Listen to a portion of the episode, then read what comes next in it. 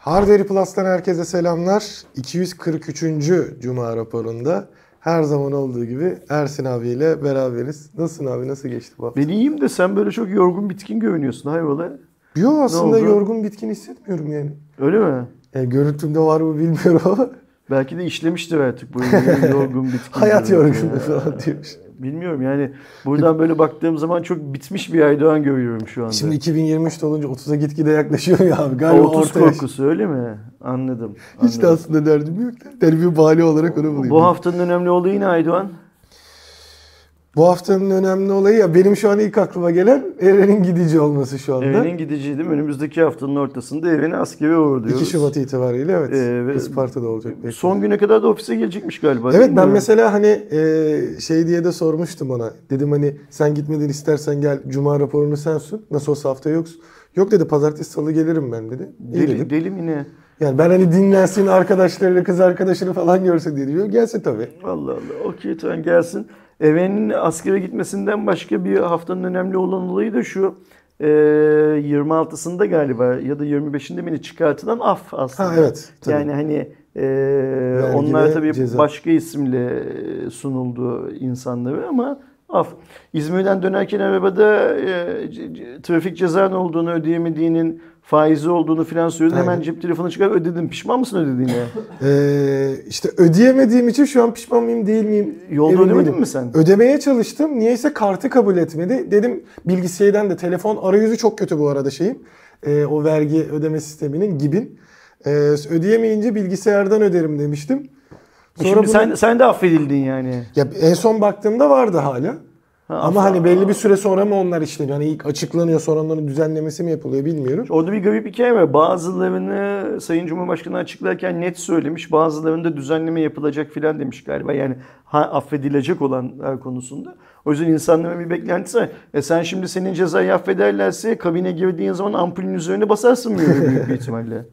Yok zaten belki şeyi beklemeden bile şu an af gelmeden bile direkt Ha, basarım diyor. cezam- Şimdi- şimdi ceza, de- cezamı öderim. Ha, cezanı ödersin. Çünkü şey garip hani mantıklı diyenler de var. Bu, bu tarz şeyler zaten hep seçim öncesi yapılan şeyler. Mantığın, tarz- ma- ma- mantığın mantığı neymiş? Hani Mantıklı sonuçta hani mu? e, orada tabii kurunun yanında yaş dayanma muhabbeti de var. Hani Yok gereksiz arkadaşım, bir ceza yiyen falan yanında filan. yaş filan, gereksiz ceza filan, gereksiz E ceza öde- yediğini, sırf trafikten bahsetmiyoruz burada. 50 bin tane şey affediliyor.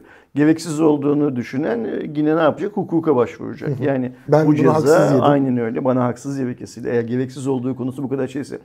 Mantıksız olduğunu düşünen adamların hangi mantıkla bunu düşündüklerini anlatmaları lazım. Ceza ceza ödeyeceksin. Hükümet şimdi bu cezaları affettiği için belirlenen süre zarfında ceza ödeyenlere para ödemesi yapacak mı? Yok. Yapmayacak. Biz bugüne kadar böyle bir şey yani adil olması lazım bir kere bir yönetimin. Yani ne yönettiğin önemsiz. Anaokulu da yönetsen, futbol takımı da yönetsen, bir ülkeyi de yönetsen adil olman gerekiyor bir tür bir kere. Ee, onun şunun yaptığını aynı işi suç olarak kabul ediyorken bunun öbürünün yaptığını affetmenin bir mantığı var mı? Yani e, kim cezalı, kimi cezalandırıyoruz biz teorik olarak? Kurallara uymayanları cezalandırıyoruz değil mi? Kurallara uymayanları cezalandırıyoruz. Kurallara uymadığı için ceza yiyip cezasını ödeyenleri şimdi bir kez daha cezalandırıyoruz. evet. Böyle bir böyle bir mantık olabilir mi? Bu Türkiye Cumhuriyeti Devleti'nde yıllardan beri yapılan af adı altında. işte farklı farklı isimler adı altında yapılan. Ya şu an mesela sadece suçluları koruyan, başka hiçbir Be- bu- bunun eskiden bazı gerekli işte toplum huzurundan filan bahsediyorlardı bu tarz şeyler için. Hangi toplum huzuru ya? Ya Şeyde mesela- ehliyetler de iade edilecek. e, O ayrı bir şey. Onu zaten daha geçen hafta mı, bir önceki hafta mı ne konuştuk burada? Yani biz geçen sefer adam öldüremedik, bu sefer adam öldürelim. Şu ehliyetleri verin de bu sefer adam öldürelim diyen bir kitle var demiştim. Şimdi onların da ehliyetleri geriye iade edilecek filan. Bu şey çok garip bir şey. Yani toplumun huzuruyla şununla bununla filan alakası yok. Bir kere bu cezaları ödeyenlerin hakkını yiyorsun. İkincisi kurallara uyanların da hakkını yiyorsun. Yani sen kurallara uyduğun için ceza yemiyorsun. Ee, şimdi insanları ikiye ayıralım. Kurallara uyanlar ve uymayanlar. Kurallara uyanların teknik şeyi ne? Ne derler? Dayanağı ne? Bunlar kanun, kural, toplumun her aşamasındaki barış ve huzur için bizim bu kurallara uymamız lazım değil mi? Uymayanların gerekçeleri ne? ya bilgisizlik ya vurdum duymazlık ya da bana bir şey olmazcılık. Aman veririm parası neysecilik değil mi? Evet. Şey anlamı. Okey şimdi kurallara uyanlar bile böyle aflardan rahatsız oluyorlar. Çünkü niye? Uymayanlar arasında cezayı yediği anda götürüp cezasını ödüyor. Sırf trafik cezasından bahsetmiyoruz bu Vergi arada. cezası. Vergi cezası aynı öyle. Adamın iş yeri var. Vergilerini ödemiyor. Yan komşusunun iş yeri var. O vergilerini ödüyor. Vergilerini ödeyen günün sonunda daha az para kazanıyor.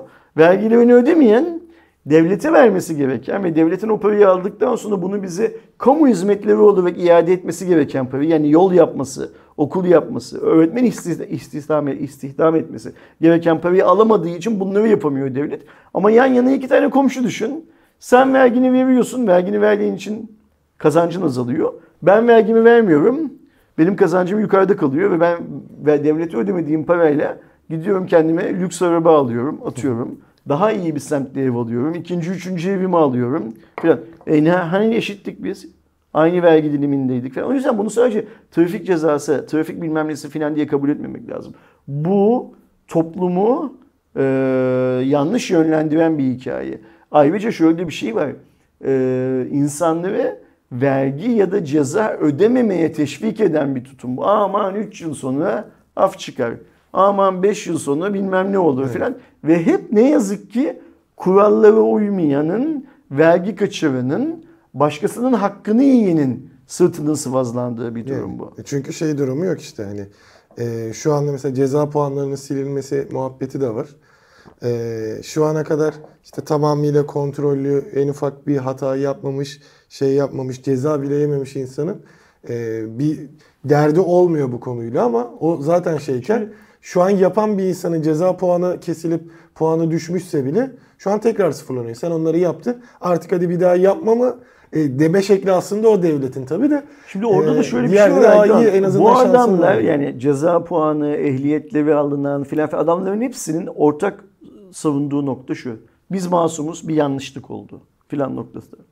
Ya tamam sen masum olabilirsin bir yanlışlık olmuş öyle de senin karıştığın olayda zarar gören başka insanlar var. Yani atıyorum birisinin otomobili zarar görmüş, değeri düşmüş. Bir başkası ölmemiş ama yaralanmış. Hastaneye gitmiş gelmiş adam boşu boşuna ilaç kullanmış bir tedavi görmüş. Sen birisinin bahçe duvarına çarpmışsın.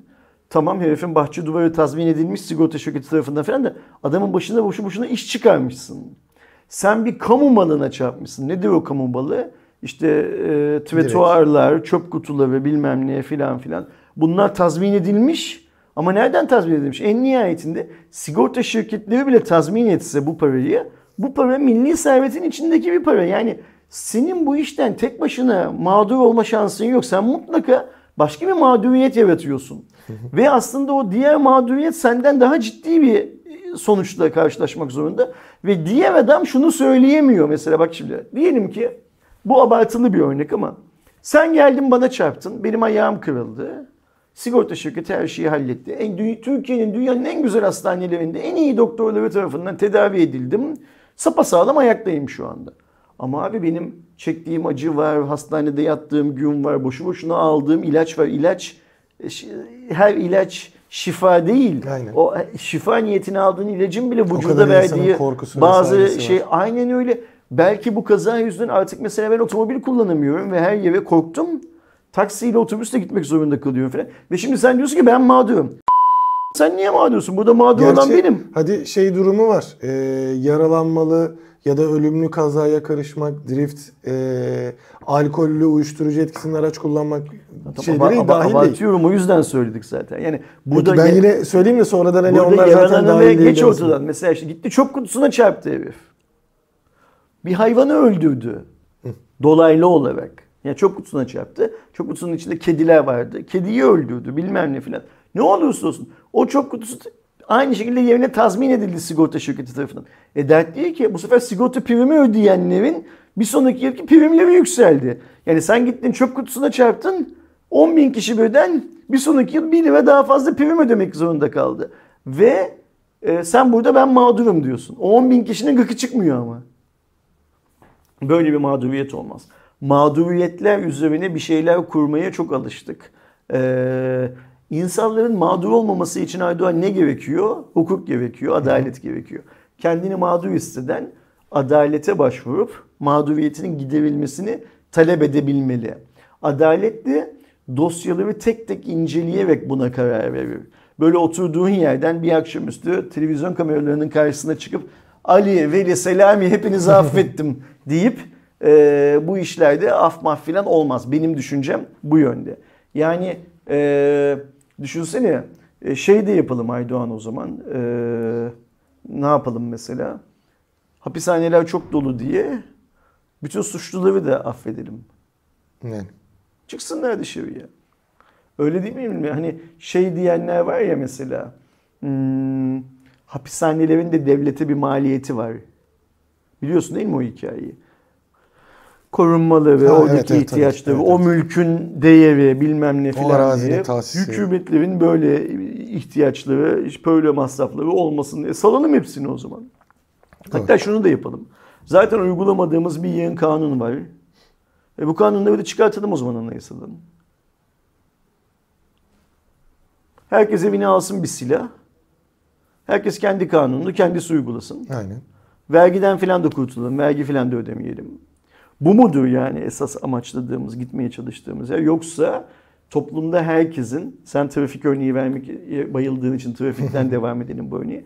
Herkesin birbirine saygı duyduğu bir düzen içinde devam eden bir e, trafiğe mi sahip olmak istiyoruz? Büyük illerde trafik sorunu olabilir tamam. E bunu çözmek için bir önlem alacak kişi kim? Yine şey kamu yönetimi aslında. Onlar da onu çözmeye çalışsın. Yani bu af hikayesi sana vursun ya da sana vurmasın bence şey değil. Belki benim de haberimin olmadığı bazı cezalarım vardır. Ben bakmıyorum çünkü öyle gibi hani şeye filan E-Devlet'e şuraya buraya filan cezam var mı zıvır falan diye. Ben E-Devlet'e girip baktığım zaman bir yıl mahkeme celbi gördüğüm için şey yapıyorum rahatsız oluyorum olaydan.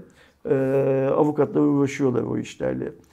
Ee, o yüzden bu af hikayesinin bence hani seçim vaadi olarak bile toplumun büyük kısmı tarafından şey yapılmaması, kabul görmemesi. Aftan yararlanan insanların bile bu af hikayesini eleştirmesi gerekiyor bence. Tabii ki. Çünkü eğer biz bundan şikayetlerimizi dile getirmezsek bu tarz uygulamada, uygulamalardan kurtulamayacağız gibi geliyor. Şimdi Şubat Ocak ayının sonuna geldik Aydo. Aynen. Bu ocağın son yayını değil mi? Artık bugün kaç Ocak? 27 Ocak mı? Ee, 27 evet. Ocak tabii ki. Ocağın son yayını. Yeni yılın ilk yayınıydı. Ocağın son yayını. Bak yılın 12'de biri geçti gitti bitti bile.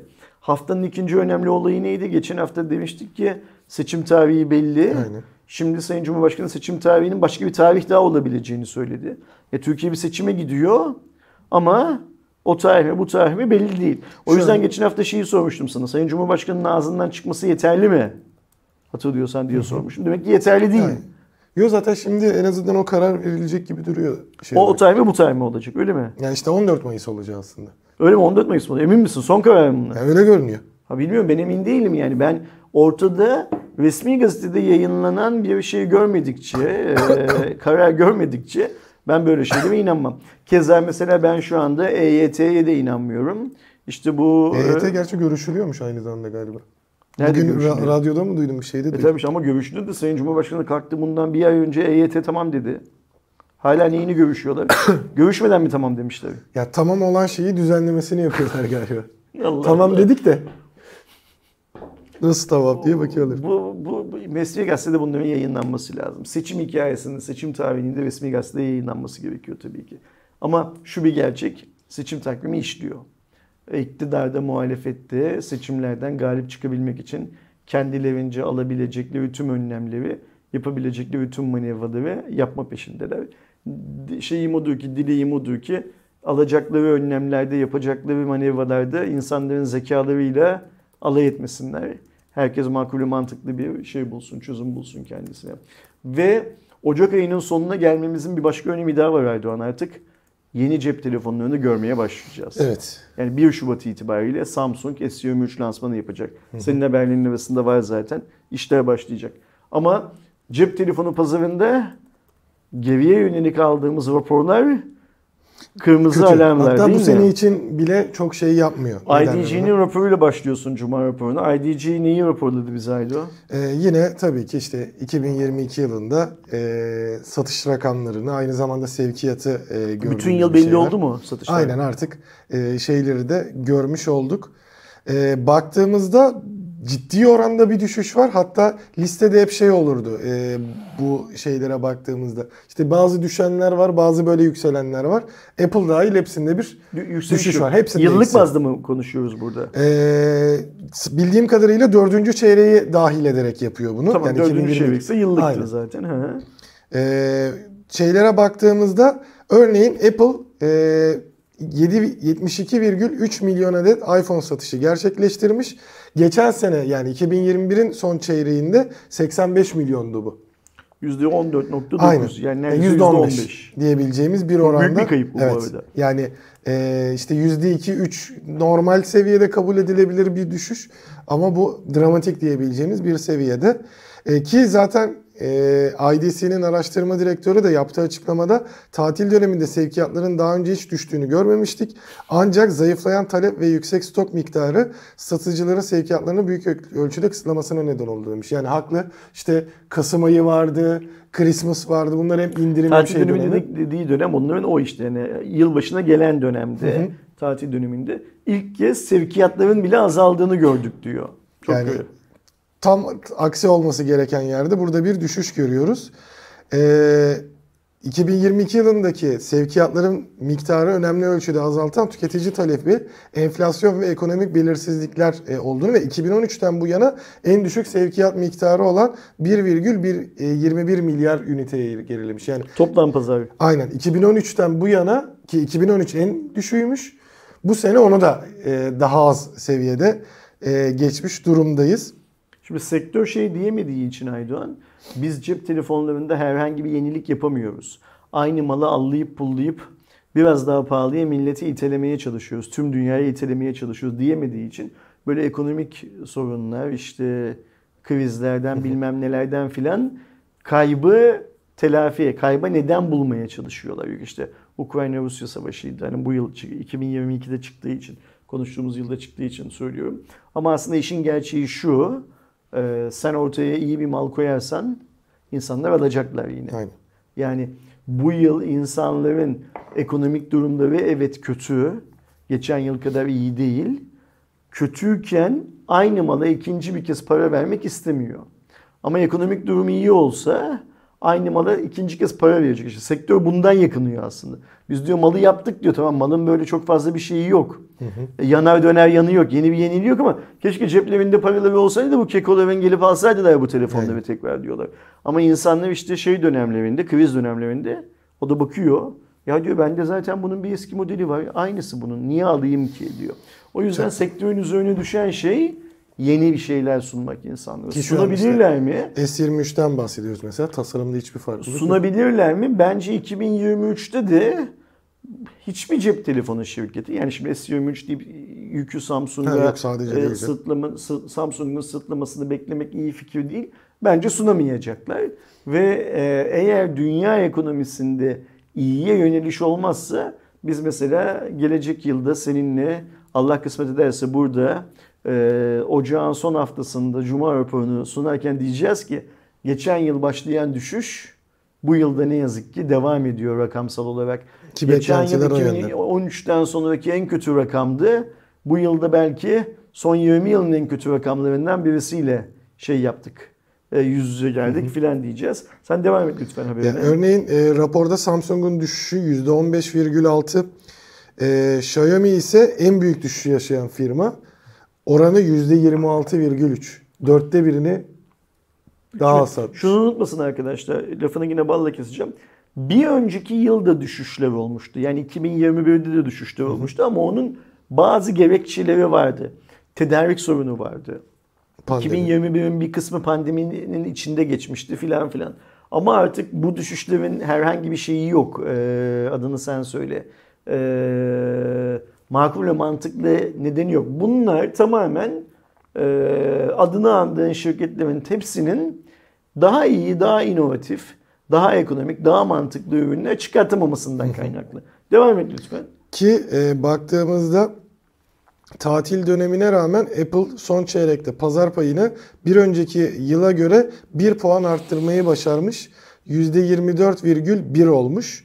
Yıl geneline baktığımızda toplam pazar payı %18,8 yani son çeyrekte 24.1'e çıkmış ama genel yıla baktığımızda %18,8.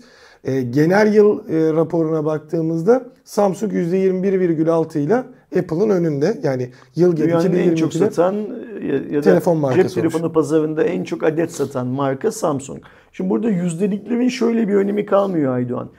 Pazar yani bu hani örnek verirler ya pasta küçüldüğü zaman senin dilimin de küçülüyor ister istemez. Ama Apple'ın verdiğin örnek garip bir örnek.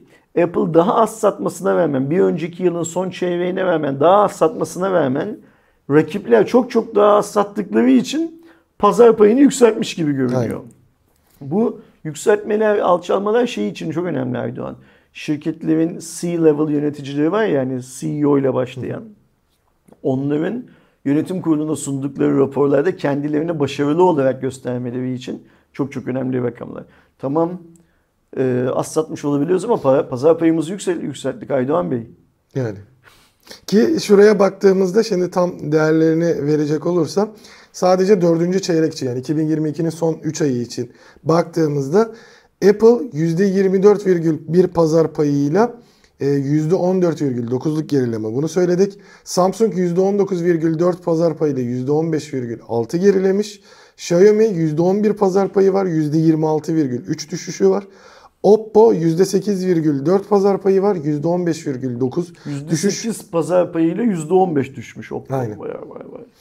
Ee, %6, %7,6 pazar payıyla %18,9 düşüşte Vivo'da var. Geçen yılki e, shipment sayılarına göre Tüm markalar aslında ölmüşler de haberleri yok. Aynen öyle. Ağlayanları yok öldüklerinde. ki 2000 yani yıl bazında baktığımızda 2021 ile 2022 e, sevkiyat raporlarına baktığımızda Samsung e, geçen sene %20'lik pazar payını %21,6'ya çıkartırken e, ne derler ona? Aynen adetsel bazda %4,1 düşmüş. E, Apple %18,8'lik pazar payında %4'lük bir düşüşü var adetsel olarak. Xiaomi'nin %12,7'lik pazar payı %19,8 düşüşle sağlanmış. Oppo %8,6 pazar payına sahip %22,7 e, daha az adet e, sevkiyat yapmış. Vivo %8,2'lik pazar payı var. %22,8 e, daha az shipment yapmış. Ge- Geri, geri kalanlara baktığımızda da onlar %30'luk pazar payına sahip. E, ilk dördü dışındakiler, ilk beşi dışındakiler. Onlarda da toplamda %9,1 daha az adet sevkiyat var. İyiye gitmiyor şey satışlar ve bence satışların iyiye gitmemesinin tek nedeni daha iyi telefonlar ortaya çıkartamamaları. Ee, Üretimdeki sıkıntılardan yanı sıra işte dedim. Bence o şey de Şey- bu tasarımın çok değişmemesi de üretim maliyetini birazcık orada azaltmak için de olabilir diye düşünüyorum. Hani eee, o tasarıma göre hazırlanan bantlar çok fazla değişikliğe uğramadan Ha. üretimde şey olsun diye. yani Hani daha mühendislik aşamasında maliyetleri düşünüp e, ko- şeyde şey de otomobillerde de aynı platform üzerinden çok farklı araçlar görürüz ya. Onun gibi bir şey Olabilir. Şimdi şey doğru. Dünyanın ekonomik durumu iyi değil doğru. Ama dünyanın ekonomik durumu iyi değil diye satışların azaldığını kabul etmek mantıklı değil. Sen elinden gelenin en iyisini yapacaksın. Yapabildin mi? Şimdi dönelim 2022'ye bakalım mesela. Samsung çok iyi bir şey yapabildi mi 2022'de? Sadece iki örnek vereceğim. S seviyesi bir önceki yılın S seviyesinden kötüydü. Bu kadar basit. A53, A52'den kötü bir telefondu. E tamam bitti. Yani M satarak Samsung'un para kazanması mümkün değil. Bunu Samsung da biliyor şey anlamında. E, bunu kıyaslamayı e, iPhone Apple için de yapalım. Farklı mı Apple'daki durum? Yok, orada da farklı değil. O yüzden hani Xiaomi'ye, Realme'ye, Oppo'ya falan tek tek inme hepsinde 3 aşağı 5 yukarı durum aynı şeyde ne derler formda. O yüzden iyi telefon yapacaklar. İyi telefon yapamazlarsa insanların bu e, cep telefonu değiştirme hızı düştükçe düşecek, düştükçe düşecek. Dünya nüfusu artarken bile bu hız düşmeye devam edecek ve onun nihayetinde de cep telefonu satışları azalacak. Bu ne yazık ki ta bizim işimizi bile engelleyecek, bizim işimizi bile zorlaştıracak bir aşamaya gelecek en sonunda. E o aşamaya gelmeden adam gibi telefon üretmeye karar versin. Adam gibi telefondan kastım ne biliyor musun? S3 gibi Samsung'un bir telefon üretmesi lazım. Samsung Galaxy S3 gibi bir telefon üretmesi lazım. Samsung Galaxy S8 gibi bir telefon üretmesi lazım. İşte atıyorum HTC gibi bir markanın ortaya çıkıp ben ses konusunda çok iddialıyım. Ben unibody konusunda çok iddialıyım filan filan diyebilmesi lazım. Yoksa şu benim hani şey kehanetim var ya piyasada sadece iPhone kalacak diye bir kehanetim var ya. O kehanet marka olarak sadece iPhone kalacak. Apple bak Apple kalacak demiyorum. Sadece iPhone kalacak diyorum. Sen bütün telefonları iPhone'a benzettiğin sürece rekabet rekabet kalmaz dünyanın hiçbir yerinde. Ee, umarım bu yedikleri tokat bunu anlamalarına şey olur ne derler yardımcı olur. Ve biz 2023'te değil ama benim ben 2023'ten de çok hevesli umutluyum. 2023'te umutlu olduğum orta segment sadece. Ee, 2024'te inşallah tekrar amiral gemisi telefonlarda e, yani bizim esas öncü teknolojileri gördüğümüz segmentte daha yeni ve daha makul ve mantıklı cihazlar Birazcık görmeye başlarız var gibi de bakalım. Yani o tasarım noktasındaki şey de önemli bir dezavantaj. Diğer bir e, tarafa geldiğimizde e, My Drivers isimli bir Çinli şirket e, markaların resmi raporlarını ve e, diğer araştırma şirketlerinin raporlarını toplayarak tarihin en çok satılan telefonlarını e, listelemiş. Bu tarz listeler çok fazla Evet. vardır. Yani birçok araştırma şirketi hatta Wikipedia'ya bile girdiğin zaman en çok satan telefonlar falan diye bir şey çıkıyor. 3 aşağı 5 yukarıda ürünler hep aynıdır zaten. Aynen hani bazen böyle ufak tefek değişiklikler görüyoruz. Ben buradaki şaşırdığım nokta mesela şeyi birçok insan zaten biliyordur. Ee, her zaman söylenen tarihin en çok satılan telefonu 11 çift 0 diye. Nokia'nın e, efsane telefonlarından biridir. E, verilen buradaki rakamlara göre 250 e, milyon adet e, satmayı başarmış. Hemen ardından 1110 geliyor. Zaten 11 çift 0'ın hemen ardından gelen bir cihazdı o da. O da 248 milyon adet satmış. Ama üçüncü sırada iPhone 6'nın olması şey mesela ben bunun bu kadar yüksek hani iPhone'un iPhone 6'nın en çok satan iPhone'lardan biri olduğunu biliyordum. Ama adet olarak 224 milyon e, adede kadar çıktığından şey değildim. E, hatırlamıyordum en azından. Ben tahmin edebilirdim yani, yani şey olur. iPhone 6 çünkü biraz da iPhone'un böyle e, tüm yani global başarısı dersem doğru olmayacak ama tüm dünya insanları tarafından kabul edilen bir telefon haline gelmesini sağlayan cihazdı. Nitekim 6 ile birlikte 6S falan da çok satmıştı. Zaten listede 6S'te var. Aynen Nokia'da olduğu gibi. Yani 11.0 ile 11.10 da aynı seviyenin devamı niteliğinde telefonlardı. Sen devam et lütfen. Ki Şimdi mesela hemen ardından iPhone 6'dan sonra Nokia'nın 105'i geliyor. iki- 200 milyonla. E, sonra 174 milyonla iPhone 6s, 167 milyonla 5s. Yani aslında burada 7'yi de dahil ettiğimizde o da 161 milyon satmış. iPhone 5s ile e, sonra ardından gelen 6, 6s, 7 üçlemesiyle çok iyi bir e, satış başarısı yakalamış. Şimdi burada e, sen listeye devam edeceksin ama devam etmeden şunu söylemek lazım. Biz 10 yıl sonra bu listeye baktığımızda burada mesela e, iPhone 11'i görebilecek miyiz? Yani şimdi iPhone 7'nin altının görmesi çok normal. Üzerinden 5-6 yıl geçti bu telefonun. İşte 5-6 yıl geçtikten sonra yani 10 yıl diyelim kabataslak görebilecek miyiz? Mesela bu listeye bir tane Samsung telefon girebilecek mi? Samsung telefonlar kasım şu anda da var listenin gerilerinde ama ilk ona bir tane S ilk ona bir tane Xiaomi falan girebilecek mi? Yani giremezlerse, giremezlerse'den kastım şu değil. Liste değişir de onlar giremezse. Çünkü onlar giremezse bu liste kolay kolay değişmez zaten. Aynen. Bu liste böyle kalır. O zaman şu çıkacak Aydoğan 10 yıl sonra önümüze. En çok satan telefon 2000'li yılların başında üretilen bir telefon. Ve üretimi son 10 yıldır yok. Öyle ya. Orada- Nokia'dan 6S'ten falan bahsediyor olursak 6'dan. Apple üretmeyi çoktan bitirmiş. Nokia diye bir şirket kalmamış. Biz bunun üzerine 5 tane daha iPhone çıkarmışız. Samsung 10 tane daha S çıkarmış. Note diye bir seviye çıkarmış. Vazgeçmiş o seviyeden filan filan. Xiaomi'ye Mi bilmem kaçlar varmış. Mi'yi tamamen atmış. Xiaomi'ye dönmüş de öyle değil mi? Evet. 50 bin tane hikaye olmuş ama biz hala Samsung şey iPhone 6'dan daha çok satan bir tane akıllı cihaz yapamamışız değil mi? Aynen öyle. Ne mutlu bize. Zaten hani şöyle bir e, durum var. Örneğin Samsung'dan bir cihaz var. O da E11 çift 0. İsim benzerliği de varmış direkt Nokia ile. O da 150 milyon adet satmış. Zaten bak bu listedeki akıllı cihazlar sadece iPhone'lar. Geri kalanının akıllı olduğunu iddia etmek pek mantıklı değil. Aynen öyle. Bu arada iPhone 11'de zaten 160 milyonda şu an. Hani ee, biraz daha uzun süre sattığında ha 11.0'a geçer mi geçmez mi onu bilemiyorum ama, ama. unutma iPhone 11'in üretimi durdu. Evet. Yani iPhone 11 şu anda e, sıralamada var ama daha fazla satma ihtimali yok şu şartlar altında. Çünkü üretilmiyor daha fazla. Hmm. Yani hani ben dedim ya 10 yıl sonra iPhone 11'i bu listede görecek miyiz? İşte tepelerde görmeyeceğiz büyük bir ihtimal. Çünkü ne olacak? iPhone 11'in yerine atıyorum biz seneyi iPhone 11 şu anda kaçıncı bu listede? Ee, kaç oluyor? 2, 4, 6, 8, 9. 9. 8.liğe yeni gelen başka bir iPhone'un, iPhone 13'ün, iPhone 12'nin girdiğini göreceğiz. iPhone 11 aşağı doğru düşecek. Yani Apple iPhone 6 gibi iPhone 6'nın yerine geçecek bir tane cihaz şu gün henüz üretebilmiş durumda değil aslında. Evet. Onun altını çizebilmek için söylüyorum 10 yıl sonra Ki, olacak diye. Şöyle bir durum var abi. Bence bir 10 yıl sonra da hani e, bizim sektörde dramatik bir şey olmadığı müddetçe bunun çok değişeceğini sanmıyorum. Çünkü şöyle bir şey var. Şimdi e, 11 çift sıfırı, 11 onu vesaire geçmek için ya da iPhone 6'yı bile dahil edelim buna. Geçebilmek için o dönemlere baktığımızda zaten çok çeşit yoktu. Hani dünyanın her yerinde Nokia vardı örnek veriyorum. Şimdi çok fazla marka var. Hani insanlar bölünebiliyor.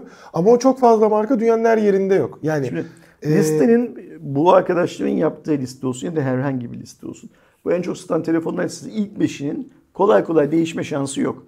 Ama özellikle 7. 8. 6. sıradan sonra olanların değişme ihtimali var. Yani işte dediğim gibi iPhone 11 yerini büyük bir ihtimalle 5 yıl sonra baktığımız zaman bu listeye iPhone 12'ye ya da iPhone 13'e bırakmış olacak.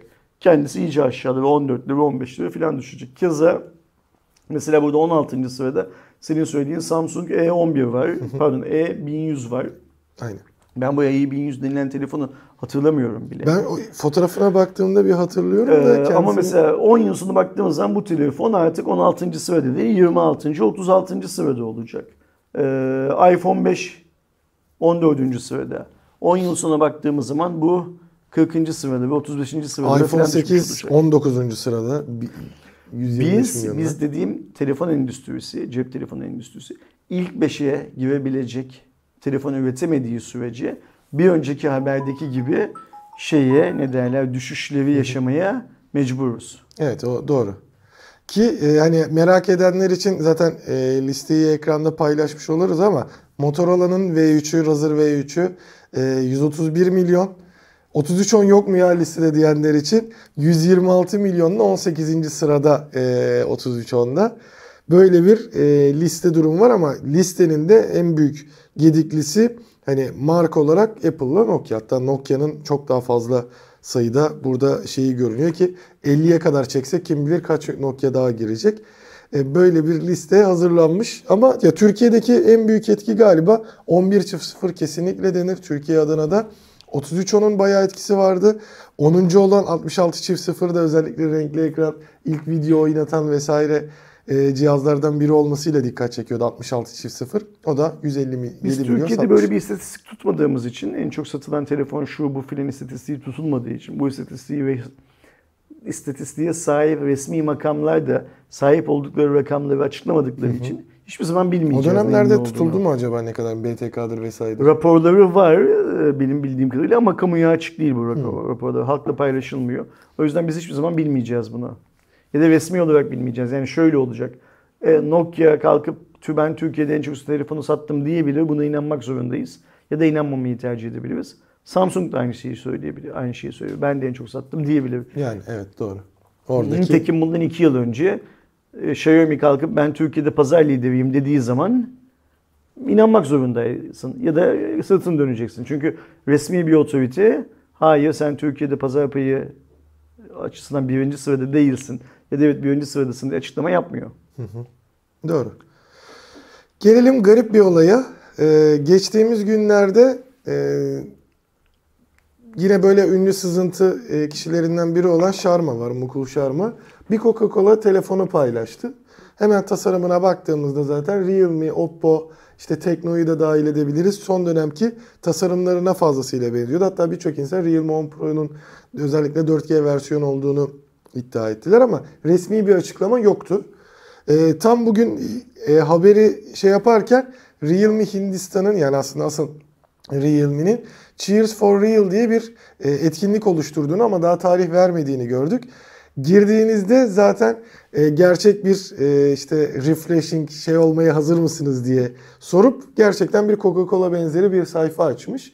Ve anlaşılan o ki Realme ile e, bu sızıntıyı da göz önüne alırsa Coca-Cola anlaşıp bir Coca-Cola fon diye paylaşıyor herkes de Coca-Cola fondan ziyade özel seri gibi az üretilmiş e, Realme 10 Pro'nun çok büyük ihtimalle bir Coca-Cola e, tasarımlı bir versiyonu Sadece olacak. Hindistan'da satışa çıkacak, limitli sayıda satışa Aynen. çıkacak bir telefondan bahsediyoruz. Ha ama bu şey demek değil tabii ki. Yani Coca-Cola bu işe bulaşmaz demek değil. Sonuçta tabii. bunlar e, Hindistan'da bu işten çok iyi geri dönüş aldıklarını fark ederlerse o zaman biz bunu bir sonraki telefonda Realme ile birlikte bütün dünyada Coco'yla yapalım. da Pepsi'yi görelim hemen.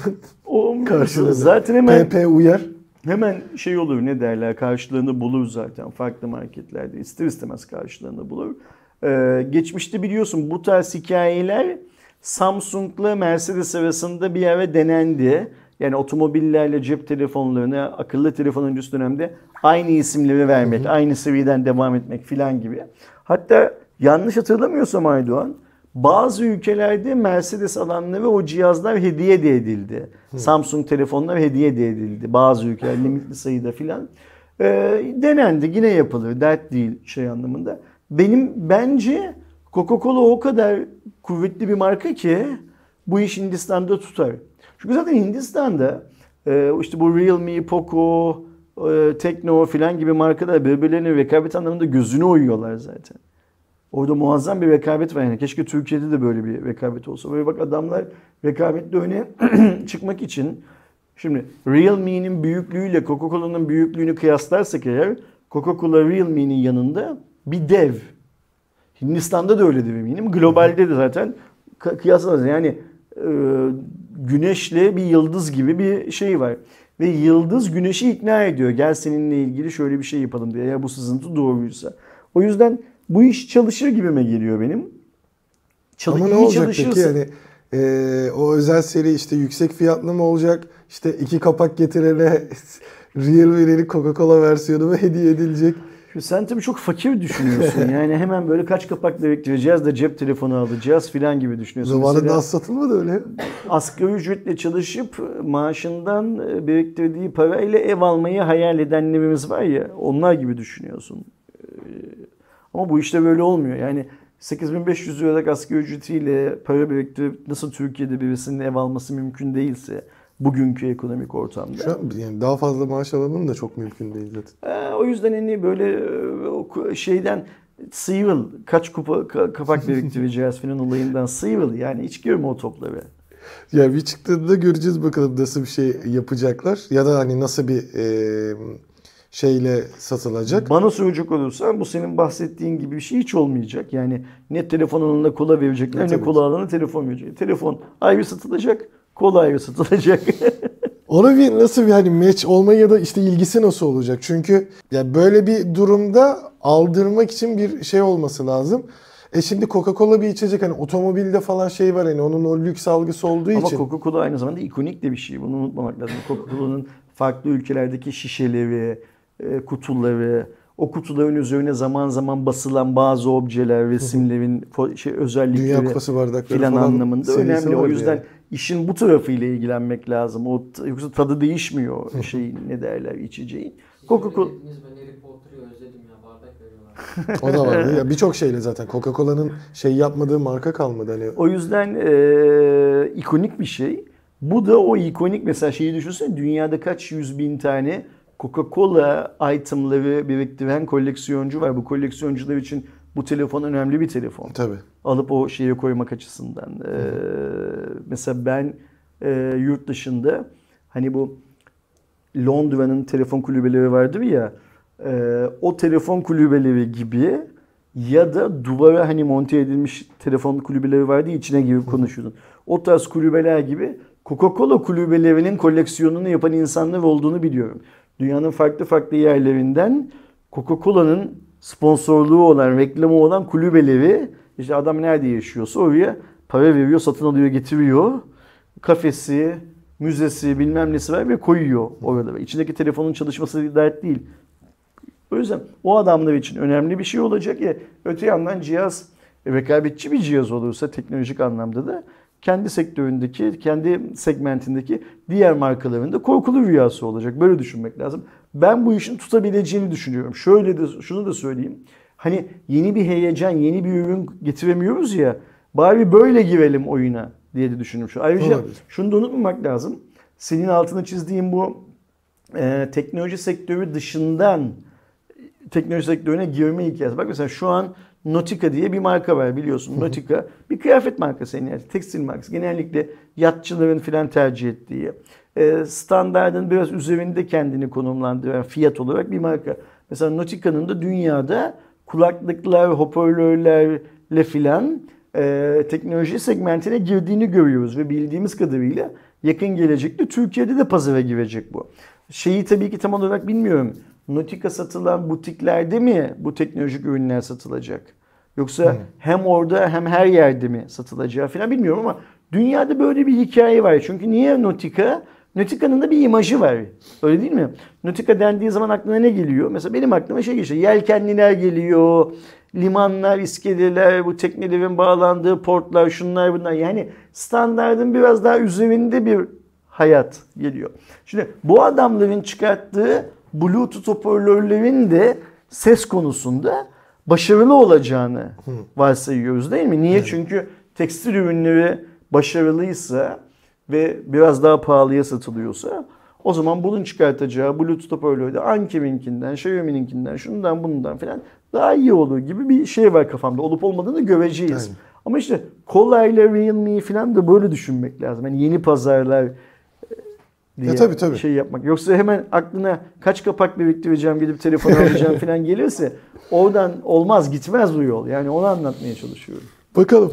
Ee, S23 kanadına geldiğimizde ki e, yayının başında da konuştuk. S23'ün artık eli kulağında bu yılın e, ilk büyük lansmanı olacak hatta. A serisinin lansmanı yapıldı değil mi Samsung'un? Ee, o şey seri değil de böyle iki model ya. Bir 53'ün Çok- oraya girmesi gibi yani ekstra bir şey çıkmadı orada. Ee, 53'ün mü 54'ün mü? 53. 53. Yani orada ben de komple böyle hani 4 serisi gelecek sanıyordum. Orada bir yeni bir şey aslında ee, yok. Baktığımızda e, S23 ailesi de 1 Şubat'tan itibaren gelecek ve fiyat sızıntıları da başladı. İlk global kısmına baktığımızda şöyle bir farklılık görünüyor. E, fiyatları söylemeden önce onu söylemem lazım. Geçen seneki S22 ile S23'ün giriş fiyatına baktığımızda 100 dolarlık bir fark var ya da euro olarak da diyebiliriz bunu. S23 Plus'ta ise artık 128'lik değil de 256'lıkla başladığı için ki e, S22'de 128'lik seçenekler vardı bazı pazarlarda 150 euro gibi bir e, artış görünüyor. Ultra'da da e, fiyat farklarını görüyoruz. Baktığımızda ortaya çıkan değerlerde Samsung Galaxy S23'ün 828 yani Türkiye dahil kısıtlı bir pazarda olacak model versiyonuna baktığımızda 959 euro. 8256'sı 1019 euro gibi bir fiyatla e, satışa çıkması bekleniyor. S23 Plus'a baktığımızda 8256'sı 1200 euro hatta 1210 euro 8512'sinin 1329 euro e, fiyatlandırmaya geldiğini görüyoruz. S23 Ultra'da da bulunan fiyatlarda 8256 1409 euro 12512'si 1589 euro ki 1 terabaytlık versiyonu da konuşuluyor. Bunun da üzerine çıkacak gibi görünüyor.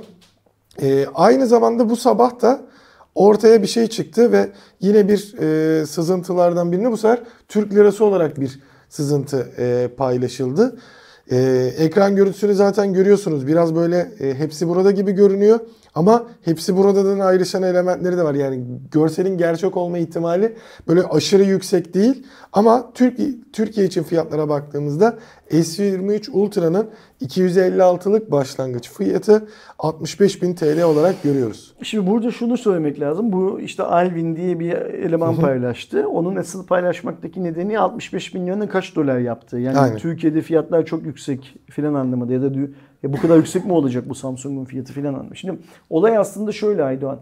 Amerika Samsung'da bir ön satış kampanyası başlattı durduk yere. Yani daha ayın birinde lansmanı yapılacak telefonun fiyatı filan belli değilken şimdiden sipariş ver. Bu arada sipariş verirken kaç liraya sipariş vereceğini de bilmiyorsun. 50 dolar indirimli al. Ya da şimdiden sipariş ver sana Samsung 100, 100 dolarlık Samsung kredisi verelim filan gibi siparişler başlattı. Bunun üzerine zaten ya fiyat ne olacak filan diye konuşulmaya başlandı. Mesela şimdi biz Cuma raporuna girerken bir tane basın bülteni geldi. Diyor ki hepsi buradan Samsung yeni e, Galaxy seviyesine özel 1000 TL'lik kupon hediye. Yani hepsi burada da diyor ki yeni S seviyesini gel benden al. Ben de sana 1000 TL kupon hediye edeyim şimdiden de. Abi fiyat yok ortada. Yani TOG'un hikayesine döndü bu. Orada araba yok ortada. Burada fiyat yok ortada. Daha cihazın kendisi de yok ayrıca ortada. E, teorik olarak bu cihaz ayın birinde değil mi? Bundan bir iki gün sonra lansmanı yapılacak ve ben buradan şunu anlıyorum Aydoğan. Türkiye özelinde bu 65 bin liralık filan görüntülerin sızdırılmasının biraz insanlığı ve ölümü gösterip sıtmaya razı etme yöntemi. Bunu Samsung bir şey bilinçli için olarak... daha böyle olmuştu. Yani hangi marka için yine Samsung için miydi hatırlamıyorum. İlk başta böyle çok yüksek fiyatları gördük. Hepsi burada da Trendyol gibi yerlerde. Sonra ondan ciddi daha Yine düşük Samsung çıktı. içindi, Samsung Note içindi ve yanında hediyeler falan da vara bağlanmıştı. Ben bunun Samsung tarafından bilinçli olarak yapıldığını düşünüyorum. Yani insanları yüksek fiyata, dolar bazında ya da TL bazında yüksek fiyata hazırlayıp sonradan daha uygun bir fiyatla e, sevindirmek. Hani eşeğini bulan sevinsin, ölüme razı olan ölümü görüp sıtmaya razı olsunlar filan diye şey olarak yapıldı. Ayrıca Samsung'un son bir 10 günden beri falan sadece dünyada değil tüm Türkiye sadece Türkiye değil tüm dünyada her yere bu S23 ile bulama çabasının da biraz böyle panik durumu olduğunu şey yapıyorum sizin diyorum. Yani bak şimdi bunlar ben hatırlarsan bu son not bundan sonra bir daha not görmeyeceğiz dediğim dönemde not seviyesi için ve ondan önce de bir sonraki çıkacak not büyük bir ihtimalle son not olacak diyordum. Ee, muazzam bir nota yükleniyorlardı. Ee, dünyanın her ülkesinde biz şu tarz haberleri okuyorduk. Mesela İngiltere'de İngiltere'nin dünyada en çok not satan ülkesi olduğunu, Türkiye'de Türkiye'nin dünyada en çok not satan 5 ülkesinden biri olduğunu. İşte atıyorum Amerika'da insanların not kullanarak kendi işlerini ne kadar daha üretken yaptıklarını anlattıkları başarı hikayelerinin video ve yazılı olarak o şey olduğunu, ne derler, insanlarla paylaşıldığını falan görüyorduk. Ne oldu dönemin sonunda? Yani pazarlama döneminin sonunda not hayatımızdan çıktı gitti. Sanki S'te de böyle bir şey sezinliyorum biliyor musun? Yani bana soracak olursan bana birisi şey dese Samsung S üretimini bitiriyor dese ve bunu Samsung bir Samsung çalışanı söylese ulan kandırmışlar bu herifi toplantıda derim. Çünkü Samsung'un S üretiminden vazgeçebilmek gibi bir şansı yok. Yani S'ten çok zarar etse de üretimini durduramaz S'in. Ama şu yapılan hikaye şu kanaati oluşturuyor bende. Eğer S seviyesinde yani S seviyesinde uzatmaları oynuyor Samsung gibi anlıyorum. Bu çift hanelileri geçtikleri günden beri satamıyorlar. İstedikleri rakamlara ulaşıyor. Hele S22'yi hiç satamadılar. S22 alanların sahip olanların yorumlarından da memnun değiller. Çünkü orada bir ağızlı naza marketing dalgası var ya alan hiç kimse elim kırılsaydı da alsın, alsın aldım almasaydım diyor. Herkes hiç kimse herhangi bir arkadaşına sen de al filan demiyor. Şimdi o yüzden e, S23 ile Samsung o kadar iyi şeyler yapmayı hedefliyor ki eğer yapamazsa e, yine Samsung'da yakın zamanda bir cep telefonu tarafındaki CEO'nun değiştiğini ve tüm ülke müdürlerinin, dünyadaki tüm ülke müdürlerinin neredeyse görevden alındıklarını biliyoruz ya. Yani Samsung'da böyle bir şeyden sonra, Fold'un kırılmasından sonra başarısız olarak ilan edilen bir kadro var. Ve bu genellikle bu kadroda hep orta segment yöneticilerden seçilirler. Ama Samsung ailenin kendisi büyük bir operasyon yaptı. Mesela DJ dediğimiz adam yani eski Samsung Mobile CEO'su bu ailenin aslında çok yakını. Yani bu ailenin çocuklarıyla birlikte okula gitmiş bilmem ne. Onlarla yurt arkadaşlığı yapmış. Daha okul çağı öncesinde başka ailelerin yani Samsung ailesi yani Samsung'un sahibi olan aile e, Kore'nin en köklü ailelerinden birisi şu anda. Bir kere öyle bir mavi kanları falan yok. Bir bakkal dükkanından, bakkal dükkanı gibi bir şeyden, adı Samsung olan bakkal dükkanı gibi bir şeyden çıkıyorlar ama zaman içinde ülkenin en önemli ailelerinden birisi haline geliyorlar. Yani bunu hani Sabancı ailesi, Koç ailesi, Eczacıbaşı ailesi falan gibi düşünebiliriz aslında. Ee, ama bu DJ dediğimiz eleman da Ay- Aykanat ailesinden ya da Akman ailesinden değil zaten. O da o aileye çok yakın bir ailenin çocuğu. Fakat buna rağmen DJ'yi görevden aldılar. Ve DJ ile birlikte tüm dünya operasyonlarındaki görevli benim bildiğim kadarıyla %80 Koreli yöneticiyi de merkeze çektiler. Ve o merkeze çektikleri yöneticinin büyük bir kısmının işlevine son verdiler ya da pasif görevlere aldılar onları. Şimdi yeni bir yönetim var ve bu yeni yönetim işi götüremiyor. Çok bariz ortada. Yani çift basamaklı sayıya çıkma fikri bunların mıydı? Eski yönetimini bilmiyoruz ama çift basamaklı sayıya çıkıldığından beri yanlış kararlar alınıyor ya da doğru kararlar alınsa bile telefon satılamıyor.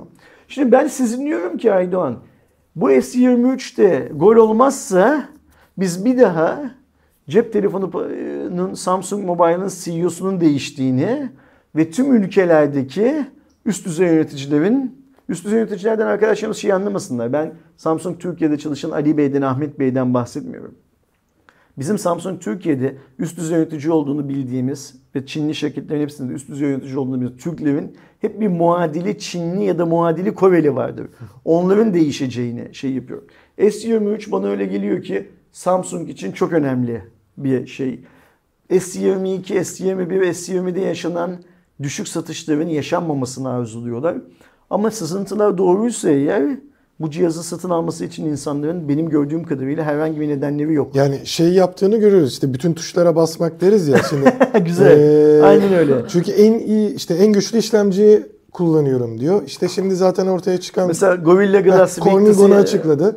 Victus 2'yi ilk kullandığı Yani aile burası Samsung olacak. kendi gücünü kullanarak Snapdragon'ı, Corning'i, şunu bunu herkesi dize getirip herkesin Samsung Galaxy S23 önünde secde etmesini sağlıyor bir şekilde. Ama eğer bu satışa dönmezse işte o zaman ne olacak? Çünkü en yenilerini, en güçlülerini kullandığında işte fiyat da böyle en yeni, en güçlü hale geliyor. Ve orada e, satabilmen için işte önemli avantajlara sahip olman lazım. Bunu da yani çünkü Lasman'da göreceğiz. Çünkü baktığımızda işte 20'li sayılara geçtiğimizde özellikle e, onu, onu dahil etmiyorum yani S20 ile başlayan o tasarım değişikliği S21, S22, S23'te e, şeylerde aynı. Ultra nota evrilip şu an devam ediyor ama baktığında S23 ailesinde S23 ile S23 Plus S21 ve S22'den daha farklı görünüyor. O çıkıntıyı almışlar çünkü. Burada daha çok Ultra'ya benzemiş. Ama neredeyse 2-3 nesildir de Ultra aynı tasarımda.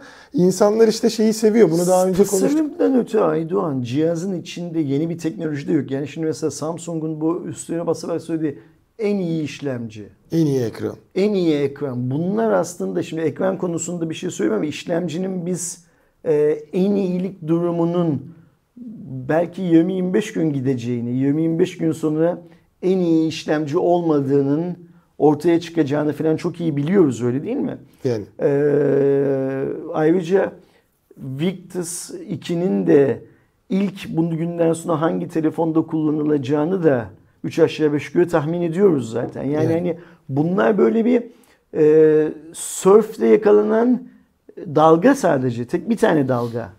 Aynen. Yani bir işlemci dalgası, bir ekran dalgasıyla e, bu iş yürümez gibime geliyor. Bu teknik özelliklerle bu iş S22'den daha çok satması için bir neden göremiyorum ben şu anda bu cihazın. Yani orada zaten şöyle bir durum oluyor. Yani ben lansmanını gerçekten daha fazla merak etmeye başladım Ben de. bu son durumlarda. Biz bunun lansmanını sunarız değil mi? Tabii ki, Canlı yayınlarız. Ve bence arkadaşlarımıza buradan peşin peşin söyleyelim. Samsung Galaxy S23 ailesinin lansmanını ya HVF'den izlersiniz ya da diğerlerinden. Yok zaten şöyle e, biz lansmanı yaparken e, büyük ihtimalle hemen yine klasik e, Samsung'un globalde yaptığı şey gibi yapar. incelemeler, ön gösterimler hemen başlar. Önceden o NDA ile imza atılmıştı mesela pil konusunda kesin kötü demeyeceksiniz. İşte bilmem ne de Victus 2 olduğunu özellikle belirteceksiniz. Şu anda dünyanın en iyi işlemcisinin bu telefonda olduğunu mutlaka söyleyeceksiniz filan gibi belletmeler yapılmıştır Ya şimdiden. testlere izin verdiler mi, ne yaptılar onlara da bir bakmak lazım ama ya benim şu an yani lansmanı merak ediyorum dediğim zaten o cihazın bütün özelliklerini biliyoruz işte Victus da açıkladı. Fiyatı merak ediyoruz aslında. Aynen ama ben fiyattan ziyade sunumda vurguları merak ediyorum. Yani çünkü şimdi en iyi işlemci olmasının e, kullanman için yani ben şu anda 888 e, kullanan bir cihazda hatta 865 kullanan bir cihazdayken 8 Gen 2'nin overclocklu versiyonunu kullanmak çünkü yani PC tarafına bakıyorum insanlar niye overclock yapıyor? İşte oyunda daha iyi FPS almak için falan. E şimdi telefondan bahsediyoruz. Çok büyük ihtimalle aa diyebileceğimiz bir iki oyun ortaklığına duyurulmasını bekliyorum ben. Yani o performansı ortaya Aynen. çıkartacak doneye lazım, platform lazım. Aynen çünkü mi? biz zamanında konsolları da eleştiriyorduk. PlayStation 4 çıkıyor, 5 çıkıyor, oynayacağın oyun, Oyun yok. yok. içinde. Hani böyle bir durum lazım. Çünkü hemen bir oyun sokamazsa Samsung kanadı da burada işte büyük ihtimalle ışın izlemeyle alakalı bir şeyler duyacağız. Oyun sokarlar. Bence bu lansmanda kesin biz Tencent'ten falan birilerinin e, sahneye çıkıp bir şeyler söylediğine Yani- şahit olacağız. Hemen çıkması da lazım. Çünkü bekletirse 8 Gen 2'yi kullanan diğerleri de o oyunu oynatacak. Yani bunu aldıracak bir şey. Ya da belki şey olabilir. İşte bundle'ın içinde e, çıkacak yeni bir oyunda Samsung alanlara bu ekstra. Mesela hatırlıyorum şey vardı ki o dönemde bize inceleme S10'daydı galiba. incelemeye gelen şey için bile o Fortnite'daki Galaxy tulumlarını falan soranlar vardı. Abi hani sizde o cihaz var nasıl olsa kullanmazsınız diyenler. Hindistan'dan adamlar yazıyordu Instagram'dan. Bu cihazın içinden çıkan şey Fortnite e, Koda şeyi, para verelim, ko- şey yapalım. bana satar mısınız yarı fiyatına? Hani öyle bir şey yapması lazım. Samsung daha önce bunu denedi.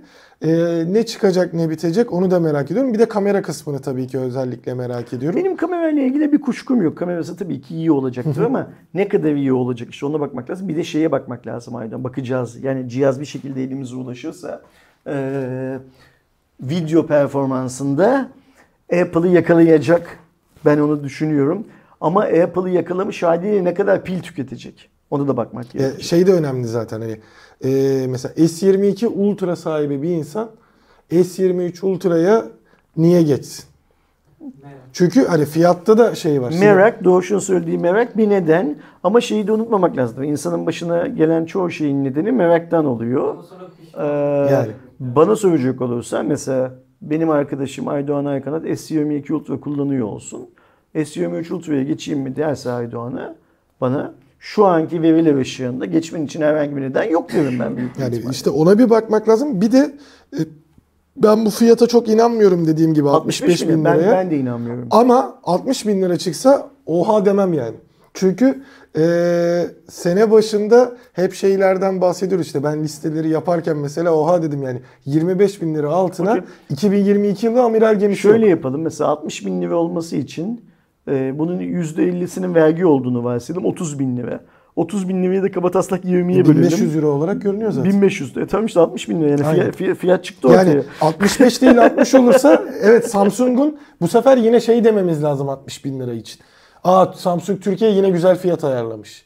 Hani yurt dışındaki şeye göre hatta birçok noktada şeyi de gördük biz. Dünyanın en ucuz işte hani en pahalı iPhone'u Türkiye'de satılıyor. En ucuz Samsung'larının satıldığını gördük. Ama şey dolar olarak. bazında en Tabii, ucuz tabii, Samsung'ların tabii. Şey olarak diyoruz. gördük. Ee, yine aynı taktiği yapmak zorunda Samsung Türkiye zaten ve 60 bin lira şey demek hani benim üzüldüğüm nokta oha durumu şuna oha derim. Arkadaşlar geçmiş olsun. Bu sene alacağınız Pro'lar, Ultra'lar, Pro Max'ler 60 zaten şu an hani iPhone 14 Pro Max 50 bin liranın üzerine çıktı. Dur bakalım az gün kaldı. Biz bunu zaten salı günü galiba 21. Salı günü canlı yayında çok konuşuyoruz fiyatlı ve oraya girerken fiyat şeylerini hazırlar gireriz. O olasılıkla ve hangisi olacaksa. Önümüzdeki dönemde de zaten Türkiye'deki fiyatlar bir açıklansın. Tahmin ediyoruz ki, tahmin etmiyoruz zaten hepimiz, sen, ben, izleyenler hepimiz biliyoruz ki ilk başta bunun yanına incik boncuk bir şeyler koyacaklar. Yani fiyat böyle biraz Saat daha şey şey, konulsun bundle diye. İşte incik boncuk dediğim onlar. Saatli, kulaklıklı bilmem ne, belki kablosuz şarj ünitesi, akıllı kılıf bilmem ne filan gibi bir şeyler koyacaklar. Ee, biraz hızlansın filan diye. Ama e, bizim eğer bildiğimiz tek yenilik Victus 2 ile en yeni işlemci olan Snapdragon Gen 2'nin e, overclocklu versiyonuysa e, bu cihaz Samsung'un şu anda e, iddia ediyor gibi göründüğü kadar önemli bir cihaz değil. O çıkıyor ortaya. Onu da şeyde konuşuruz. Gel biraz da P60 Pro'nun Sonra da şeyini, önünü Ee, arkasını konuş, onun dedikodusunu yapalım biraz Ay, da. bir de şeyi merak ediyorum. Umarım biri denk gelir de burada konuşuruz. 1 terabaytlık versiyonunu e, satın alan biriyle bir şey yapmak isterim mesela. Sizin yorumunuz, sizin görüşünüz muhabbeti yapmak isterim. Herhangi bir telefonun Samsung olması önemli. 1 terabaytlık versiyonunda kim ihtiyaç duyar? Yani Yok yok kimden kastım bana bir profil çizme. Mesela söyle Doğuş'un öyle bir telefona ihtiyacı var. Abi senin öyle bir telefona ihtiyacı Mesela tanıdığımız benim, benim çevremde hiç kimsenin herhangi bir telefonun 1 terabaytlık versiyonuna ihtiyacı yok. Senin çevrende var mı? Yani ihtiyaç olan evet yok. Şu anda mesela hani 256 hadi diyelim 512. Ya, Yani bunun Samsung olması şart değil. şöyle Herhangi bir telefonun. yani e, ben onunla gerçekten film çekeceğim falan diyen bir yönetmen ya da görüntü yönetmeni varsa anca olabilir. Hani zamanında özellikle iPhone özelinde çok gördük. Şunu da çekildi, bunu da çekildi. Apple'ın para verip çıktığı Orada filmlerden 4K ProRes çekeceğim ben diyorsan tamam o zaman 512'ye de Ay- 1 terabayt lazım. iPhone'la fo- film çekmeye kalkışan yönetmen e, onun o kısmını düşünsün bir E, tabii ki değil mi yani? Hani Ama en azından 1 terabaytlı kullanır ki oradaki alandan ben iPhone'la olmasın. film çekecek bir yönetmen olsam 1 terabaytlık kullanmam. Dosya aktarım hızlarını bilmem neyi falan düşünerek daha küçük küçük parçalar halinde. Zaten film dediğin şey öyle başından Tabii, sonuna kadar oturuyorsun 10 bir buçuk dakika saat çekilen bir şey değil yani. Biz onu cuma raporunda biz yapıyoruz burada.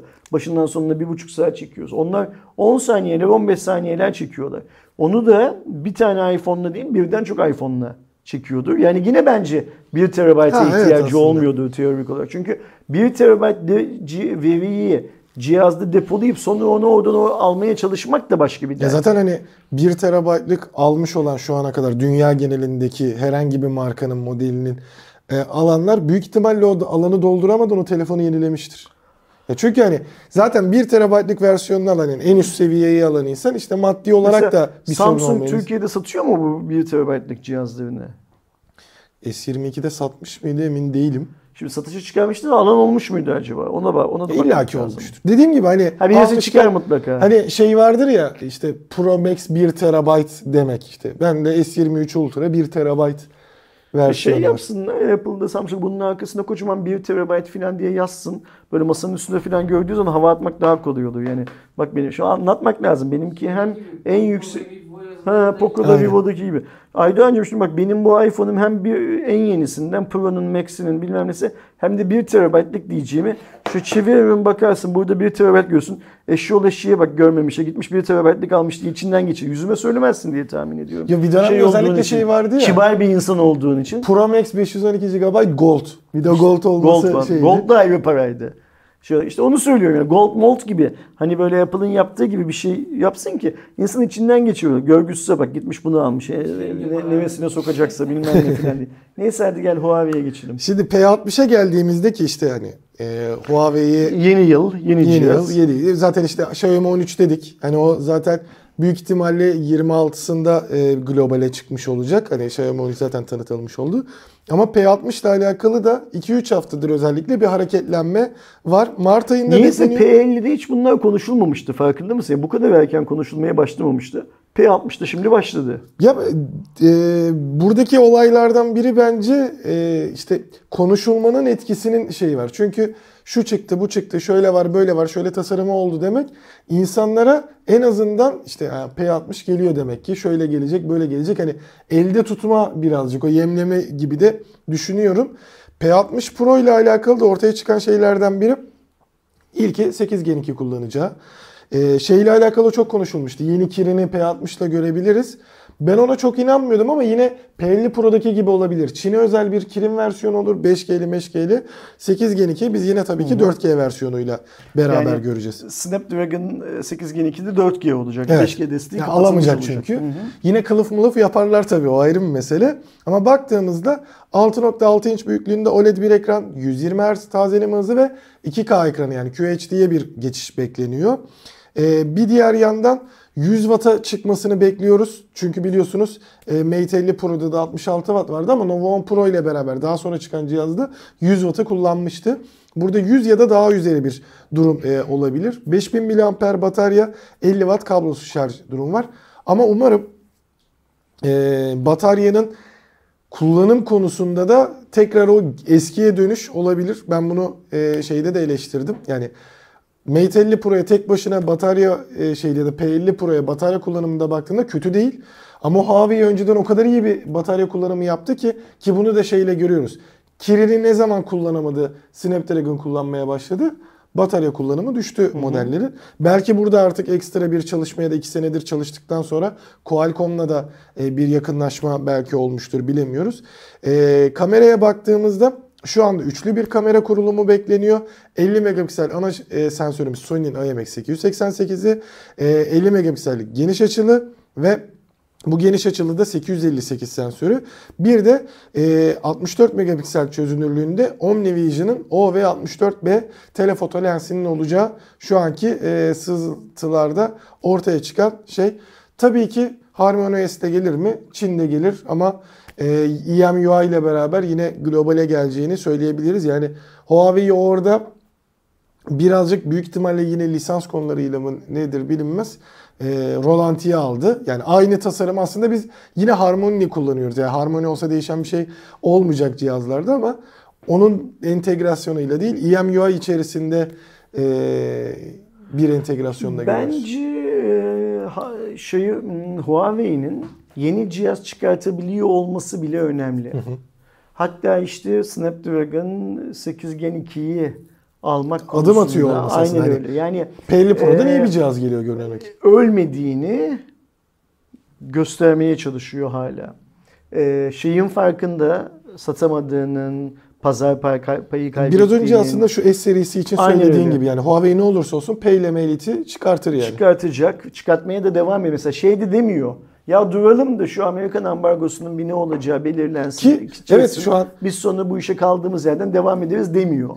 Ki Yani- en rahat hani insanların aha Huawei ölüyor değil de ya adamlar haklı diyebilecekleri tek durum bu. Aynen öyle. Yani normal karşılanabilecek bir. Hala ısrarla hayır ben cep telefonu pazarında varım ve bana çizilen oyun alanı içindeki elimden gelen imkanlarla en iyisini yapmaya çalışıyorum modunda. Burada bu işin daha önemli yanı şu Aydoğan. Eli kolu bağlanmış halde bile çıkarttığı telefonlar hala bazı özellikleriyle bizim hoşumuza gidiyor. Öyle değil mi? Evet. Yani Kamerayla hala yine büyük ihtimalle zirveye oynayacak. aynen yani. öyle. Hala Dioxomark seveni vardır, sevmeyeni vardır dert değil.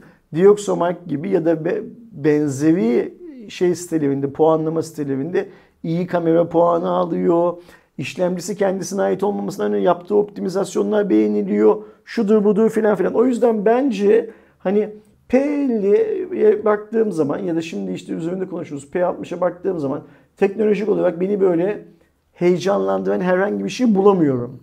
Ama Huawei'nin P50'sini, P60'ını Samsung'un S22'sinden, S23'ünden, Xiaomi'nin 12'sinden, 13'ünden filan daha kıymetli buluyorum. Evet bence de. Pazarı bırakıp gitmediği için. Bizim Türkiye'de bir lafımız vardı ya tekkeyi bekleyen çorbayı içer diye. Ben Huawei'yi tekkeyi bekleyen üretici formunda görüyorum şu anda. Ki şeyi Çorba de- içmek için hazır duruyor. Ki şeyi de yapıyor aynı zamanda. Mesela şimdi işte ortaklığı bitince Leica ile yani hala çok iyi şey çıkardığını gördük. Mate 50 Pro bunun net bir göstergesi. Aynen öyle. Oradaki işte hani işleyen demir ışıldar kısmıyla da hani o ekibi çalıştırması için o ekibi şov yapabileceği telefonların da çıkması lazım. Hani en azından o kameradaki liderliği, DxOMark'taki her çıkardığı modeldeki liderliği bozulmaması için de ve o ekibin çalışmaya devam edip trendi e, belirlemeye diyeyim artık yakalaması değil de harbiden Huawei kamera noktasında belirleyenlerden biri oldu. Onu devam ettirmeye çalışması da bir diğer yandan güzel. Bu arada tam e, o şeylere bakarken örneğin GSM Arena bir e, 15 gün önceki ortaya çıkan sızıntılarda da 8 Plus Gen 1 demiş. Öyle bir şey olursa da şaşırmam. Hani P50 Pro'ya baktım. P50 Pro'da da globale geldiğinde 888 de çıkmıştı. Geçen senenin işlemcisi durumundaydı. Burada da aynı durum olabilir ama 8 Gen 2 ile gelme ihtimali de yüksektir. Onun anlaşmasını yapmıştır. Bir sonraki habere geçmeden önce ben şunu da söyleyeyim. Ben o biraz önce söylediğim güzellemeleri niçin söylüyorum? Şu yüzden söylüyorum. Amerikan ambargosu kalkıncaya kadar ben Huawei'ye pozitif ayrımcılık yapacağım. Yaptım. Ambargo Onu zaten gününden evet, beri yaptım. Ambargo kalkıncaya kadar da yapacağım. Hangi şartlarda yapacağım? Huawei cep telefonu pazarında kaldığı süre boyunca bunu yapacağım. O yüzden de diyorum ki sen bir önceki habere geçmeden önce bence P50, P60, S22'den de, S23'ten de, Xiaomi'nin 12'sinden de, 13'ünden de cep telefonu sektörü için daha önemli cihazlar. Ee, lütfen Huawei daha çok cep telefonu çıkarsın. Türkiye'de satılsın satılmasın ayrı mevzu. 2022 yılında eğer Huawei tüm dünyada 10 model çıkardıysa 2023'te mümkünse en az 11 model çıkarsın. Çünkü bizim Geçen sene fena değildi. bizim Şey Huawei gibi yarıştan kopmayan markalara ihtiyacımız var. Daha iyi telefonlar görmek istiyorsak yarışa devam edecek olan arkadaşlara ihtiyacımız var, markalara ihtiyaçlarımız var. Sen devam et lütfen. Ee, Xiaomi kanadına geldiğimizde Redmi Band 2 Çin'de tanıtılmıştı. Şimdi de küresel pazara çıkışları başlıyor ve yani %99 diye hatta %100 bile diyebileceğim eminlikte hiçbir duyum almamama rağmen Türkiye'de gelecektir bu zaten. Çünkü niye? Ee, Band serisi Xiaomi'nin fazlasıyla sevilen, tutulan ee, ve ilgi gören bir seri. Ee, bu açıdan baktığımızda Redmi Band de aslında Xiaomi'nin Mi Band'inin şeyi olacak. Xiaomi Band oldu hatta onun adı da biliyorsun Mi'yi bıraktı. Uygun fiyatlı versiyonu gibi e, devam edeceğinden Türkiye'de gelecektir. Baktığımızda 1,47 inçlik LCD bir ekran 450 nit parlaklığa çıkıyor. E, yüzden fazla yine o e, watch face dediğimiz tasarım desteği var. 210 mAh bataryası var ve 14 gün vurgusu Redmi Band'de de var ki bunu söylemek lazım çünkü Xiaomi'nin son iki nesildir Mi Band dediğimiz serisinin o 14 günü e, OLED ekrana geçip büyüttükten sonra kullanamamaya başladı. Ben ne kadar 14 diyordu? günü 7'de bir hafta zaten ancak kullanıyorum. 14 gün falan değil. Aynen. Hani burada en azından Redmi Band'de olması şey olabilir. Belki eski e, şeye dönüş mü göreceğiz. 30'dan fazla sp- spor takibi 5 ATM yani e, düz hesapla e, saf suda 50 metreye kadar bir iniş. Bluetooth 5.1 LE sürümü e, ve Android 6 veya iOS 12 üzerinde de kullanılacak. Çin'deki fiyatına baktığımızda 470 liraya yani 500 liraya yakın bir fiyat vardı. Şimdi globale çıktığındaki fiyatı da görmek lazım ama eminim yani Şubat ayı içerisinde en kötü hadi Mart'la beraber yani Xiaomi 13 ailesiyle beraber bunu da Türkiye'de görebiliriz ki e, bentlerden bahsetmişken e, hafta sonu e, içinde de büyük ihtimalle hafta sonu e, görürsünüz. Ersin abinin bir şu son iki nesille alakalı bir şeyi de olacak. Şimdi ben Mi Band Değerlendirmesi 6'yı gibi. beğenmemiştim. Mi Band 6'yı beğenmediğimi bir videosunu şeyler beğenmemekten kastettim. Gereksiz bulmuştum. Yani Mi Band 5'i olan adam niye Mi Band 6 alsın demişim. Şimdi açıkça söylemek gerekirse Mi Band 7'yi de beğenmedim. Yani bir ay yakın süredir kullanıyorum. Onunla ilgili bir video çektim. Bu Mi Band 6'daki şu SPO2 tartışmasına da bir açıklık getirdim. Yani o nasıl oluyor? Mi Band 6'da SP2 o yok deniyordu ya. Nasıl oluyor filan diye. Şimdi benim gördüğüm kadarıyla o videoda bahsetmedim. O video çok uzamasın diye bahsettim. Burada bahsedelim ondan. Ee, şimdi Mi Band'ler Xiaomi için çok önemli. Yani Xiaomi'nin bence dünyada telefon segmentinde bu kadar başarılı olmasının da kapısını açan ürün Band aslında. O ikonik tasarımıyla insanlara Xiaomi markasını tanıttı. Ama Xiaomi de şeyin farkında. O kadarcık bir kasanın içinde daha fazla bir şey yapamayacağının, o fiyata insanlara daha fazla bir şey sunamayacağının falan o da farkında. Evet. Ve o yüzden bana öyle geliyor ki Xiaomi o cihazı ya sonlandıracak. Çünkü bir şey bak mesela Mi Band 6 ile Mi Band 7 arasındaki farklar bugün bir tane çerez kutusundan peş peşe alacağınız iki tane çam fıstığı, iki tane çekirdek, iki tane fındığın arasındaki farklar kadar. Doğru yani aslında. şey farklar, tesadüfi farklar bunlar. Ee, bir önceki yılla bir sonraki yıl teknolojinin gelişiminin toplam gelişiminden süzülen bir fark yok arada. Şey olarak. Ha bu arada şeyi unutmamak lazım Aydan. Mi Band 7'nin ekranı çok güzel. Videoda da söylüyorum bunu. Çok güzel. Yani o 450 nitten 500 nite geçmiş olması süper fark ediyor. Her neyse ya Mi Band seviyesinden Xiaomi vazgeçecek ya da Mi Band seviyesiyle bizim bildiğimiz bu akıllı kol saatleri arasında yeni bir segmente yönlenecek. Çünkü Xiaomi akıllı kol saati işini tutturamadı. Evet. Başka markalar Hala daha böyle tutturdu. şey yok. Xiaomi tutturamadı. Bir ön deneme yaptı. Yani Amazfit'le yaptı, kendisi yaptı, bilmem ne filan olmadı o iş. Gitmedi. Gitmiyor da. Ya fiyat yüzünden gitmiyor ya eee, o konudaki çok iyi markaların eline su dökemediği için gitmiyor. O yüzden Xiaomi hani bu şeyi var ya Biz giyilebilir teknolojiler dünyasının bir numaralı markasıyız. Nasıl bir numaralı markası? Mi Band yüzünden bir numaralı markası. 3 4 Bu bir numaralıya devam edebilmesi için bir ara form oluşturması gerekiyor. Ve bana öyle geliyor ki bu şimdi bahsettiğimiz cihaz o ara form. Ee, başlangıcı. Yani Band 2'ler, Redmi Band 2'ler, sonra o Mi, e, Mi Fit 2'ler, Fi- Mi Fit'ler filan gibi cihazlar. Buradan bir şey uydurarak biz dünyanın en çok satan giyilebilir teknolojileri üreten markasıyız diyebilmeye buradan devam edecek. Ve yine bana soracak olursan Aydoğan artık Mi Band yani Xiaomi Band oluyor senin de söylediğin gibi. Xiaomi Band lansmanlarını, duyurularını falan azaltacak. Aynı cihazı aynen 6'dan 7'ye geçtiği gibi küçük güncellemelerle her yıl piyasaya sunup onu böyle biraz önce bahsettiğimiz Coca-Cola gibi ikonik bir ürün olarak satmaya çalışacak. Ve şu beklentisi olmayacak. Mesela 3 alan 4 almıştı. 4 alan 5 almıştı. Ama 6 alanın 7 almasında, 5 alanın 6 almasında çok fazla bir gerek kalmamıştı ya. Doğru. Seviyenin ucuz bile olsa hepsini insanların almasını gerektirecek şeyler olmadığını kabul edecek. Yani, eğer bir insan Bent 7'yi aldıysa Bent 9'u da alır belki diye. 9'u da çıkartacak. Onu da hatta bana soracak olursan bu Mi Band'lerdeki sıralama numarayı da değiştirecek ve buna şey getirecek, yıl getirecek. Yani biz Bent 2025, Bent 2026 ya da sadece 26, 27 gibi hani otomobil modeli gibi Bend'in şeyini öğreneceğiz, modelini öğreneceğiz. Olabilir. Bana öyle geliyor çünkü Xiaomi'nin bence bu Bent hikayesinden çıkma şansı yok. Çünkü çıktığı anda tüm kendi geçmişini unutmuş olacak.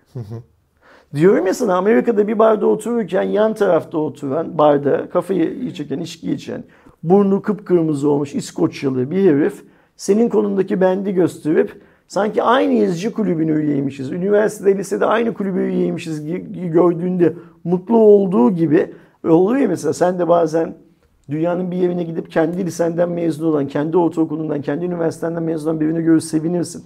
O sevinçte koluna vurup kendi kolundaki bileklikle senin kolundaki bilekliği işaret edip cheers deyip içki içmeye devam edebiliyor. Yani Mi Band dünyadaki birçok dostluğun da başlangıç noktası olmuş bir cihaz. O yüzden vazgeçemez. Ama biz bu şeyleri işte Redmi Band 2, e, Mi şey Band Lite miydi? Band bir şeydi. Filan gibi. Pro'ydu, Lite'dı bilmem neydi filan gibi özelliklerle daha büyük Huawei'nin şu fitlerine benzer formda bir şeyleri Xiaomi'nin tutturmaya çalıştığını göreceğiz bence. Ee, ama hafta sonunda yayınlanacak olan videonun şeyini, e, ana fikrini buradan söyleyeyim. Mi Band 7'yi de beğenmedim. Olay bundan ibaret. Öyle başıma bir şey geldi bu arada. Ne geldi bu olduğunda senin başına? Samsung S8 yeni çıkmıştı o zaman. Ee, minibüste giderken abi telefonunu çıkardı.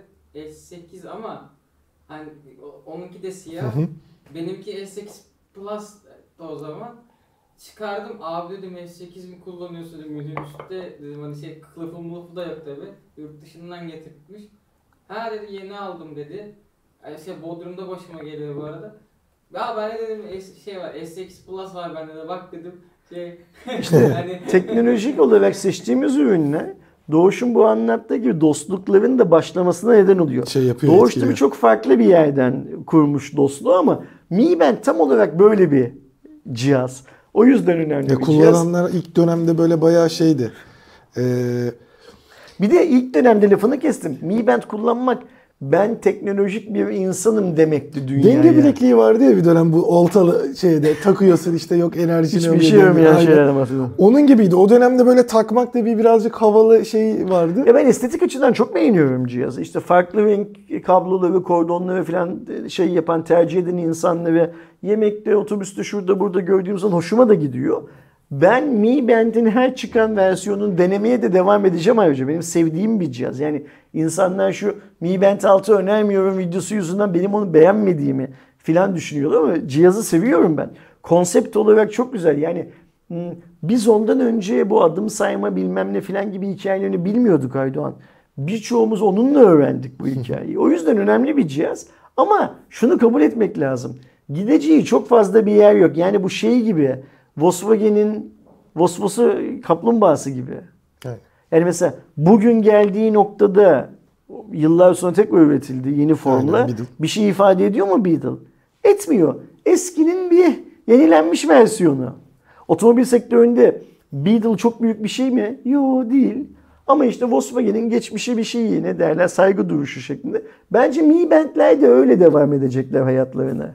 Yani büyük ihtimalle sadece böyle yenilenip Legacy'yi devam ettirmek, Aynen o öyle. efsaneyi devam Aynen ettirmek öyle. gibi. Öyle olacak diye tahmin ediyorum. Ee, Qualcomm'un S23'te kullanacağı işte en güçlü e, vurgusunun da beklediğimiz e, 8 Gen ikisinden başka biliyorsunuz aslında Türkiye'de hiçbir örneğini görmediğimiz için çok bilinmiyor, duyulmuyor olsa da 8C serisi var aslında. 8CX vesaire diye de e, farklı modelleri olan. Bu da özellikle e, Ultrabook, işte Netbook dediğimiz eski isimlendirmesiyle Windows'lu Windows cihazları çalıştıran, için bir e, Apple'ın M serisi gibi bir işlemcisi. O da gitgide güçlenmeye devam ediyor. Şimdi de 8CX Gen 4'ü geldi ve içerisinde 5G modemi, harici grafik belli grafik desteği ve Orion çekirdeklerine sahip olması bekleniyor. Şu anda net bir şey olmasa da e, verimli kısımda 2.5 GHz, performanslı çekirdeklerde 3,4 GHz e, geliştiriyor. Burada özellikle e, 8CX Gen 4'ün harici e, grafik desteği olacağından dolayı ekstra bir özel grafik çalışması yerine e, 8 Gen 2'deki Adreno 740'ı kullanacak. Aslında burada iki şey var. Hem maliyeti düşürmüş oluyor. Zaten harici kullanacaksan benim grafiğim e, çok fazla aşırı güçlü olmasına gerek yok diyor. Ya da ikinci toptan benim telefondaki kullanacağım grafik artık bilgisayarda da çatır çatır senin işini görür algısı da e, uyandırmış oluyor. 64 GB'a kadar e, Low Power DDR5X e, bellek desteği var. Wi-Fi 7 X65G modemini harici olarak kullanabiliyorsun. E, PCI Express Gen 4 üzerinden de dediğim gibi grafik desteği de olacak. Özellikle video kodlama ve kod e, çözme performansının e, iddialı olacağı söyleniyor. Ama bunu genelde hem işlemci hem de grafik belleği üzerinden yaptığın için Adreno 740'ın da aslında ne kadar güçlü olduğunu gösterebilecekleri bir yer olacak. Ama şu an için çok büyük bir pazar payı yok. Çok büyük ürünlerde göremiyoruz e, Qualcomm'un işlemcilerini. Türkiye'de galiba hiç girmedi çünkü Planlandığını duymuştum. Asus, HP filan gibi şirketler bu işlemcileri alıp işte o moddaki cihazları üretme konusunda Chromebook çok- vesaire formundaki çok hevesli değiller. Mesela şu işlemciyi Intel çıkarmış olsaydı bu işlemciyi kullanan biz bir yığın e, laptopumsu işte adı ne olursa Intel Intel, çıkarttığı zaman kullan derdi aynen çünkü. öyle cihaz karşımızda görürdük. Ama e, Snapdragon çıkarttığı için geçmişte görmedik. Büyük bir ihtimalle bunda da çok güçlü görünmesine rağmen bunda da görmeyeceğiz. Hele Türkiye'de büyük bir ihtimalle tıpkı bir, Bir önceki versiyonda olduğu gibi hiç görmeyeceğiz. Sanki bir markada öyle bir söylentiyi hatırlıyordum ama yani markayı da şeyi de hatırlamıyorum modeli o yüzden hiç şey değil ama gelirse tabii ki e, farklı bir e, deneyim olabilir. Hadi e, gel Toga bevine geçelim. Haftanın Toga bevine. Ee, ben hiç yorum yapmayayım. Sen haberi ver. Gitsin gitsin hayatımızdan böyle bir şekilde. Biliyorsunuz aslında ocağın son e, cuma raporunda olduğumuza göre Şubat ayında da TOG'un ön siparişleri başlayacak ve bunun için geçtiğimiz hafta Trumor uygulaması resmi olarak çıkmıştı. Dün ya da dünden önceki gün yapılan paylaşımda 100 bini geçtiğini de açıkladılar e, bütün platformlardaki indirme sayısını. 100 bin mi sadece? Yazık canım ya. Milyonu daha şeyi yapmamış. Bir de şöyle bir e, duyuru Onların, geldi. onların bir kankası var. Şeyi olan, e, klik e, farmı olan. Onun download farmı falan da vardır. Bir anlaşsınlar. Bir 200 bin 200 milyar daha versinler bu arkadaşa. Arabayı kullanması, övmesi bilmem ne yapması karşılığında her ay 200 milyar lira alıyormuş ya TOG'dan. Bir 200 milyar daha versinler. O hemen app'in indirilmesini de anında 1 milyona çıkartır.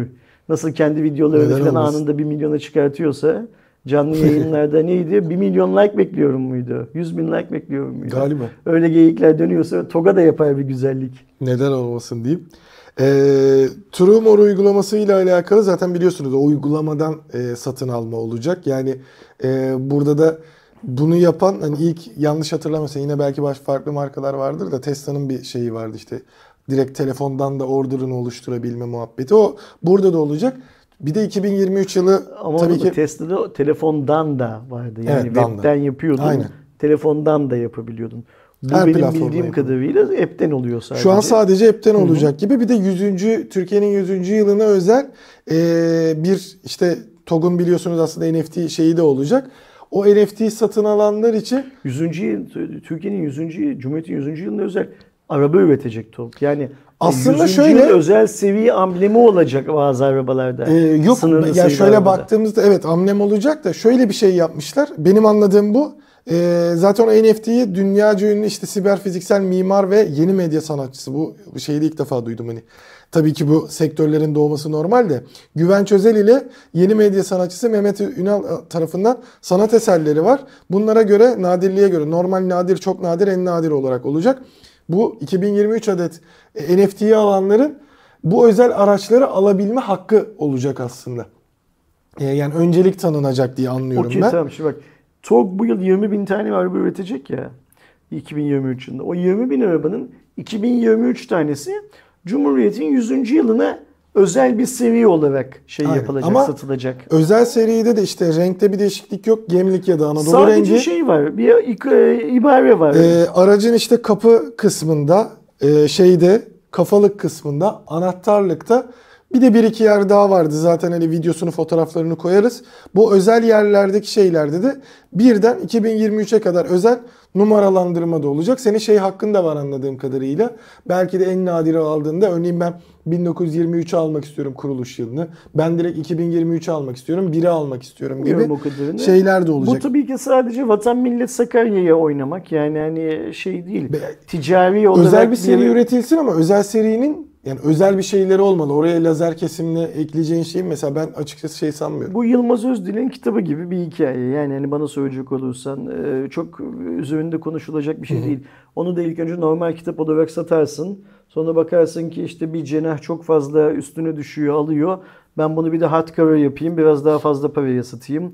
Bir de kutunun içine koyayım, biraz daha fazla paraya Şey çıkar mı acaba? diye. Ee, yani Mart, Nisan gibi ya da bu yıl içerisinde e, o işlemeleri yapıp işte şu kadar TL'ye özel seri işlemeleri yapan işte otomobil Kesin- şeyleri kesin modifiye çıkar. falan yapan yerler. Alıcısı olduğuna inandığı, inandığımız sürece her şeyi alayıp pullayıp satarız. Ya Zaten kitle şey Üçüncü yapıyorlar. parti yerler yapacaktır bunu zaten. Önemli olan şey hani haber bitti sonraki habere geçeceğiz. Önce bir otomobili görelim. Önce bir fiyatını görelim. Önce bir Artık kime hani- nasıl satılacak. Artık Şubat'ta bak şimdi bütün 2022 yılını bekleyerek geçirdik. 2022 yılının sonuydu. Dediler ki 2022'den vazgeç. 2023'ün Şubat'ında ön sipariş almaya başlayacağız. Hadi işte Şubat geldi bir başlasınlar. Artık hadi ön siparişi de fiyatla alırlar diye tahmin ediyorum. Yani fiyat olmadan ön siparişi başlamazlar. Bir de şeyi söylesinler. Bu ön siparişleri ne zaman teslim etmeye başlayacaklar? Nereden teslim etmeye başlayacaklar? Onları söylesinler. Ve ağızlarından gıdım gıdım laf almaya çalışıyoruz. Onlar ama bu gerekli şeyleri söylemek yerine Migros'la anlaştık, Turkcell'le anlaştık, NFT'miz var bilmem ne filan gibi otomobille hiçbir alakası olmayan şeyleri bize itelemeye devam ediyorlar. Ve hala şeyi de bilmiyoruz. TOG'un kendi kurduğu şarj istasyonlarının şu anda satışa başladığı, ön satışın başlayacağı günlerde toplam kaç tanesinin aktif olduğunu Şu an galiba daha aktif yok hani şeyle çünkü ilk şeyde kuruldu.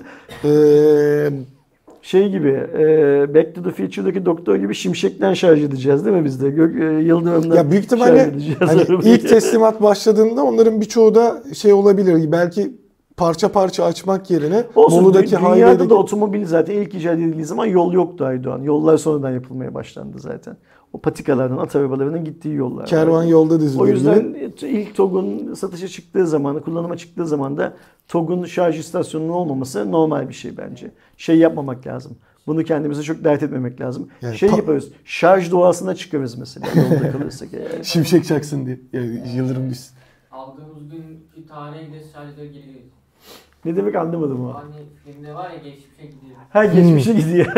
Aldığımız tam gün saat var. Sonra devam. Ay, Onu süper. göreceğiz. Güzel. Volvo kanadına geldiğimizde Volvo biliyorsunuz aslında e, sektörde tabii ki işte sağlamlığıyla vesaire olsa da ki şey de var bu arada onunla alakalı buradan da şey yapmış olayım bu Türkiye-İsveç gerginliğinden dolayı işte herkes bir ambargo şeyine de başladı işte iki aya gitmeyelim elektrolüks almayalım diye oraya Volvo'yu eklemişler. Haklılar. Çıkış yeri İsveç ama şu anda Geely isimli Çin'e bağlı Çinli bir marka. Artık bir Çin ürünü olduğunu söyleyelim. Tıpkı şeyin e, çikolatanın ülke aldıktan sonra Türk markası olması gibi. Godiva. Godiva'nın.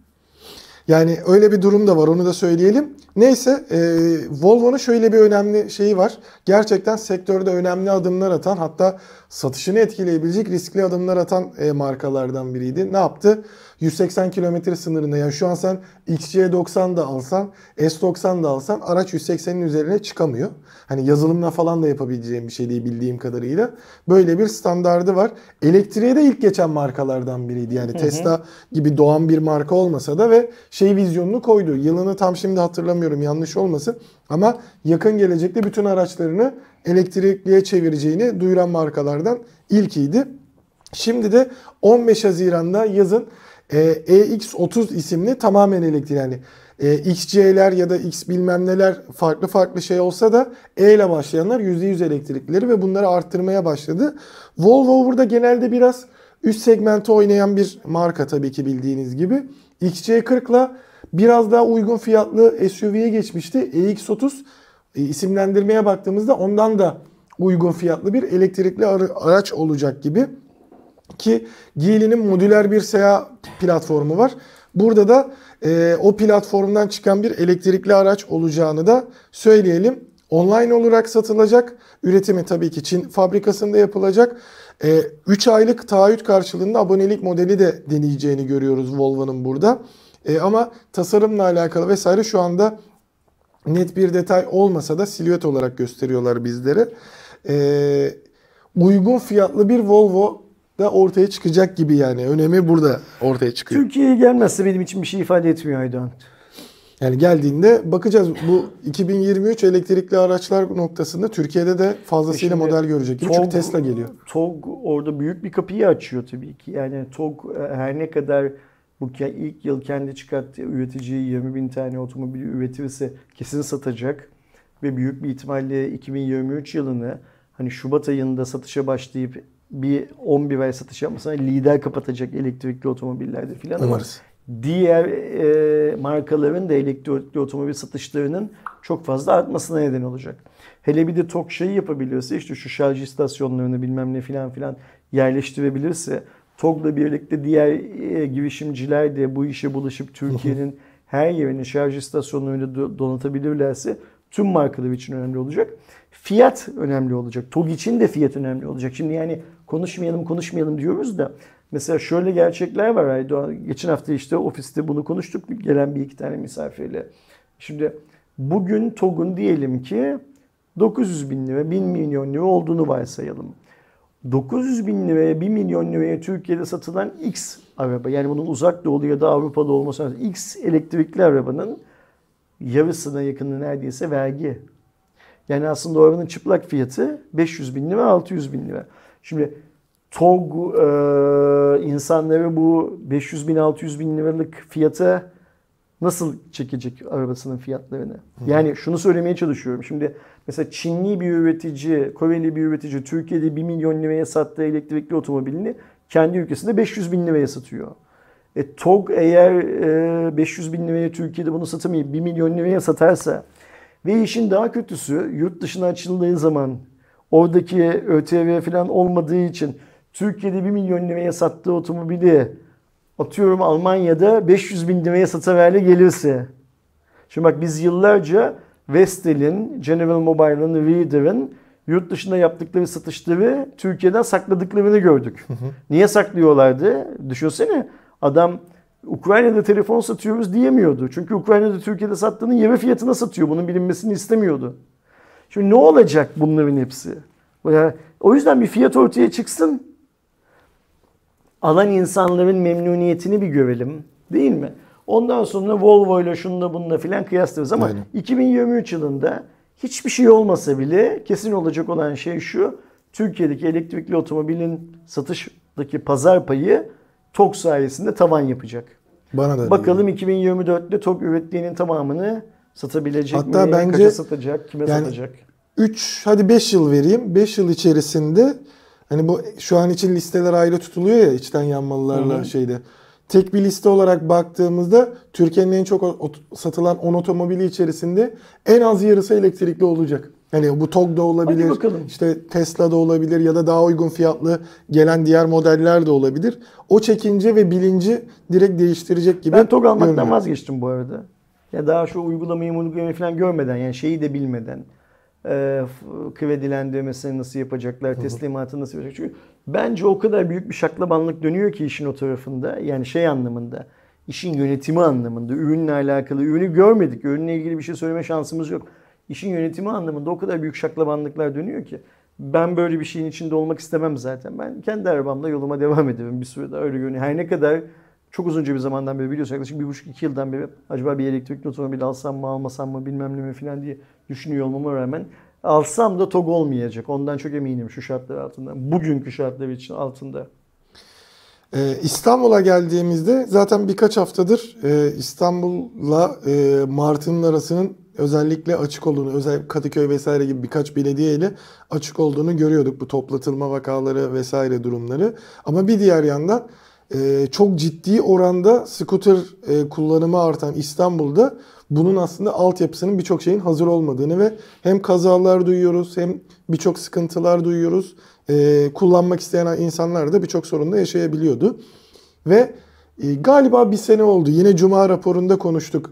E, Martı'nın birazcık tekelleşmesi, engellenmesi için UKOME e, yani İstanbul Büyükşehir Belediyesi Ulaşım Koordinasyon Merkezi belli standartlar getirmişti. Hani bunlara belli oran vermişti. O bölgede en fazla şu kadar senin skuterın olabilir. Diğerlerine de şey yapacaksın vesaire gibi. Bir anda çok fazla markalar görmeye başlamıştık. Ee, şimdi ne var mesela bilinen? Bin Bin çok fazla e, dikkatimi çekiyor.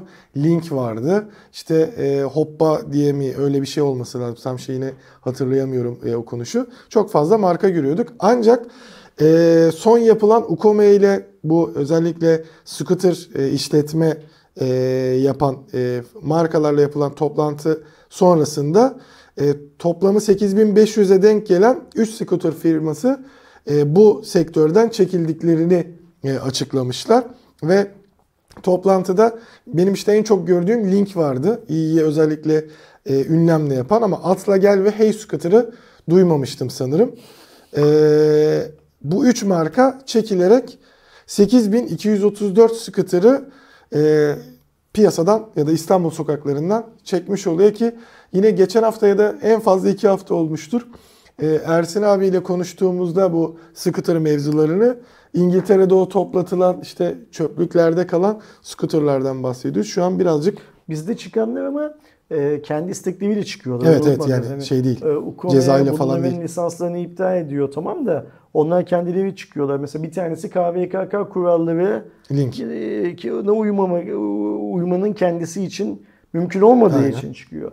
Atla Bazı- Gel'le Hey de e, tedarik zincirinde. tedarik sorunu filan filan da çıkıyor. Yani aslında e, bu adamlar yaptıkları işten çok çok iyi kazançlar elde edebilir durumda olsaydılar çıkmazlardı bu işin içinde kalırlardı zaten. E, pazar konsolide oluyor. Pazar konsolide olurken tabii ki alınacak olan, getirilecek olan regülasyonlardan korku da var. Yani regülasyonlar bizi daha zarar eder duruma düşürür mü filan korkusu da var. Bu iş öyle ya da böyle yoluna girmek zorunda. Yani ben şeye karşı değilim. Bir, bir şirket kalacaksa bir şirket kalsın. Hatta o şirket martı olacaksa hiç sevmeme rağmen martı olsun. Yani benim öyle bir o şirket olsun bu şirket olsun gibi bir derdim yok ama kanunu, kuralı, yönetmeliği, şusu busu filan şey olsun ne derler biliniyor olsun. Sadece kanunu, yönetmeliğini, kuralını şirket, marka diye ve kamu değil bu kiralama sistemini yapan arkadaşlar da biliyor olsunlar. Ee, yani biz hep yoldan park edecek yerden filan bahsediyoruz da bugün motorlu taşıtlar e, sigortası dediğimiz bir şey var değil mi? Motorlu taşıtlar vergisi dediğimiz başka bir hikayeler var. Mesela bunların hepsinin burada uygulanması lazım. Bugün e, Martı ile yaptığın bir kazada ne oluyor? Yani mesela gidip bir otomobile çarptığın zaman ne oluyor? Bilmiyorum. Yani hiç yaşamadığım için Yani süreci de bir sigorta görüyorum. sisteminin olması lazım bunun. Ee, sigorta si- sistemi olmadan bu işler yolunda ve inemezler. İşte geçen hafta konuştuk nereye park edeceği, hangi bölgede kaç cihaz olacağı eş zamanlı olarak, hangi o bölgedeki kaç tane aktif cihaz, kaç tane park halinde cihaz olacağı falan filan bunların hepsinin belli olması lazım. Ee, Derdim bununla alakalı. Yoksa hani benim şeyle scooter sistemiyle ilgili başka bir derdim yok. Sen kuralları koyarsın. O kurallar gerçekten adil ve universal kurallardır. Bir şirket o kurallara uyar. Tamam bir şirket devam eder yola. Yapacak çok fazla bir şey. Bu arkadaşlar da mevcut şartlar kendilerine uymadıkları için çıkmışlar. Allah bundan sonraki işlerinde yollarını açık etsin demek lazım. Ee, herhangi bir pazarın tek bir markaya kalması iyi bir şey değil. Evet. Ama pazar çok iyi regüle ediliyorsa eğer o bir marka da çok çok iyi regüle ediliyor. Bundan korkmamamız lazım. Bizim hep olduğu gibi adaleti, yargıya, kanunlara güvenmemiz gerekiyor.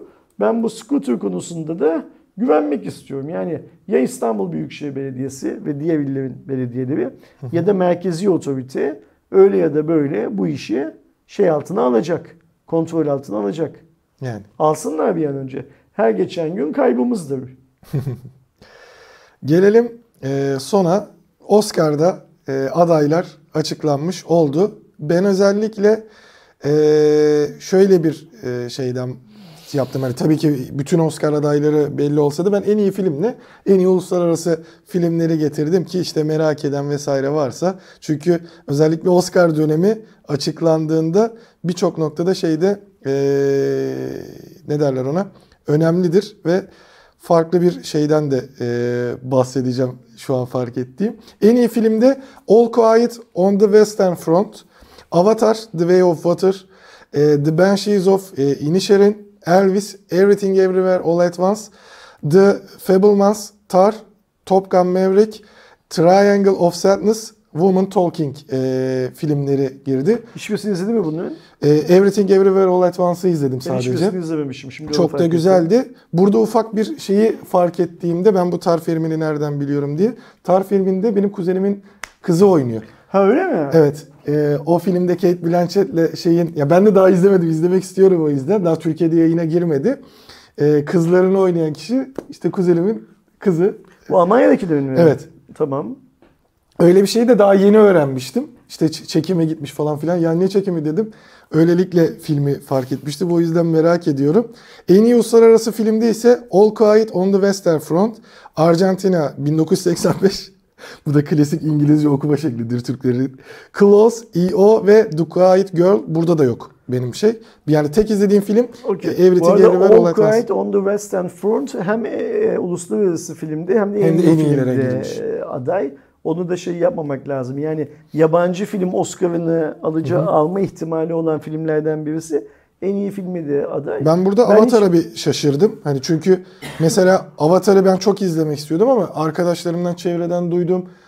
Yani şeyinden sonra şey yapmıştım, Ben hiçbirini izlemedim. Filmlere şöyle baktığım zaman isimlerini bir kısmı bana otobüs hiç bilmediğim şehirlerdeki otobüs durağı ismi kadar bir şey ifade ediyor. Yani o yüzden fikrim de yok. Top çok sevmişlerdi onu biliyorum. Ee, ne yabancı filmlerde ne diğerleriyle ilgili söyleyebileceğim herhangi bir şey yok. O yüzden iyi olan kazansın diyelim Aydoğan ve Cuma raporunu bitirelim. Bitirmiş Kaçıncı olalım. Cuma raporunu bitiriyoruz? 243. Cuma raporunu Aynen. bitiriyoruz. Ee, önümüzdeki hafta 244. Cuma raporuyla evini yolcu etmiş bir şekilde değil mi? Even kalmıyor o Aynen. zamana. Bitmiş oluyor. 244. Cuma raporuyla. Güven içinde yapacağımız bir cuma raporunda. Biz Cuma raporu yaparken Even şey yapıyorduk, nöbet tutuyor öyle mi? Te- teoride öyle bir beklentimiz var. Var mı öyle bir beklentimiz Even'den? Yani illaki bir eğitimde bir şey de olacaktır diye tahmin edince. Okey tamam. Bir an önce gitsin yapsın gelsin askerliğini. 28 gün boyunca arkadaşlar Even'i kanalda göremeyeceksiniz. Evet. Ama 29. gün bıraktığı yerden bildiğim kadarıyla değil mi? Dönecek tekrar as- şeyde askerden sonra işe. Yani tabii ki öyle Okey. yani plan öyle diyebilirim. Öyle biliyoruz. Eğer askerde daha iyi bir iş teklifi almazsa Şeye geçiyor direkt uzmanlığa falan geçiyormuş. 28 29. gün tekrar burada yani Mart'ın başı itibariyle Even'i tekrar aramızda görürüz. Even gitmeden önce bir tane vlog vlog falan bir şey çekiyoruz değil mi? Yaparız tabii Okey ki. tamam yapalım tabii ki. Çocuğa askeri uğurluyoruz. Hani e, en büyük asker bizim asker deriz. E, o da da hayırlı olsun ve gidip askerliğini bedelli ya da normal süresince yapacak olan tüm arkadaşlarımıza da Evet. şimdiden hayırlı olsun, iyi tezkereler diyelim. Önümüzdeki hafta 244. Cuma raporunda gelecek haftanın konularıyla karşınızda oluruz. O güne kadar kendinize iyi bakın. Hoşçakalın. Hoşçakalın.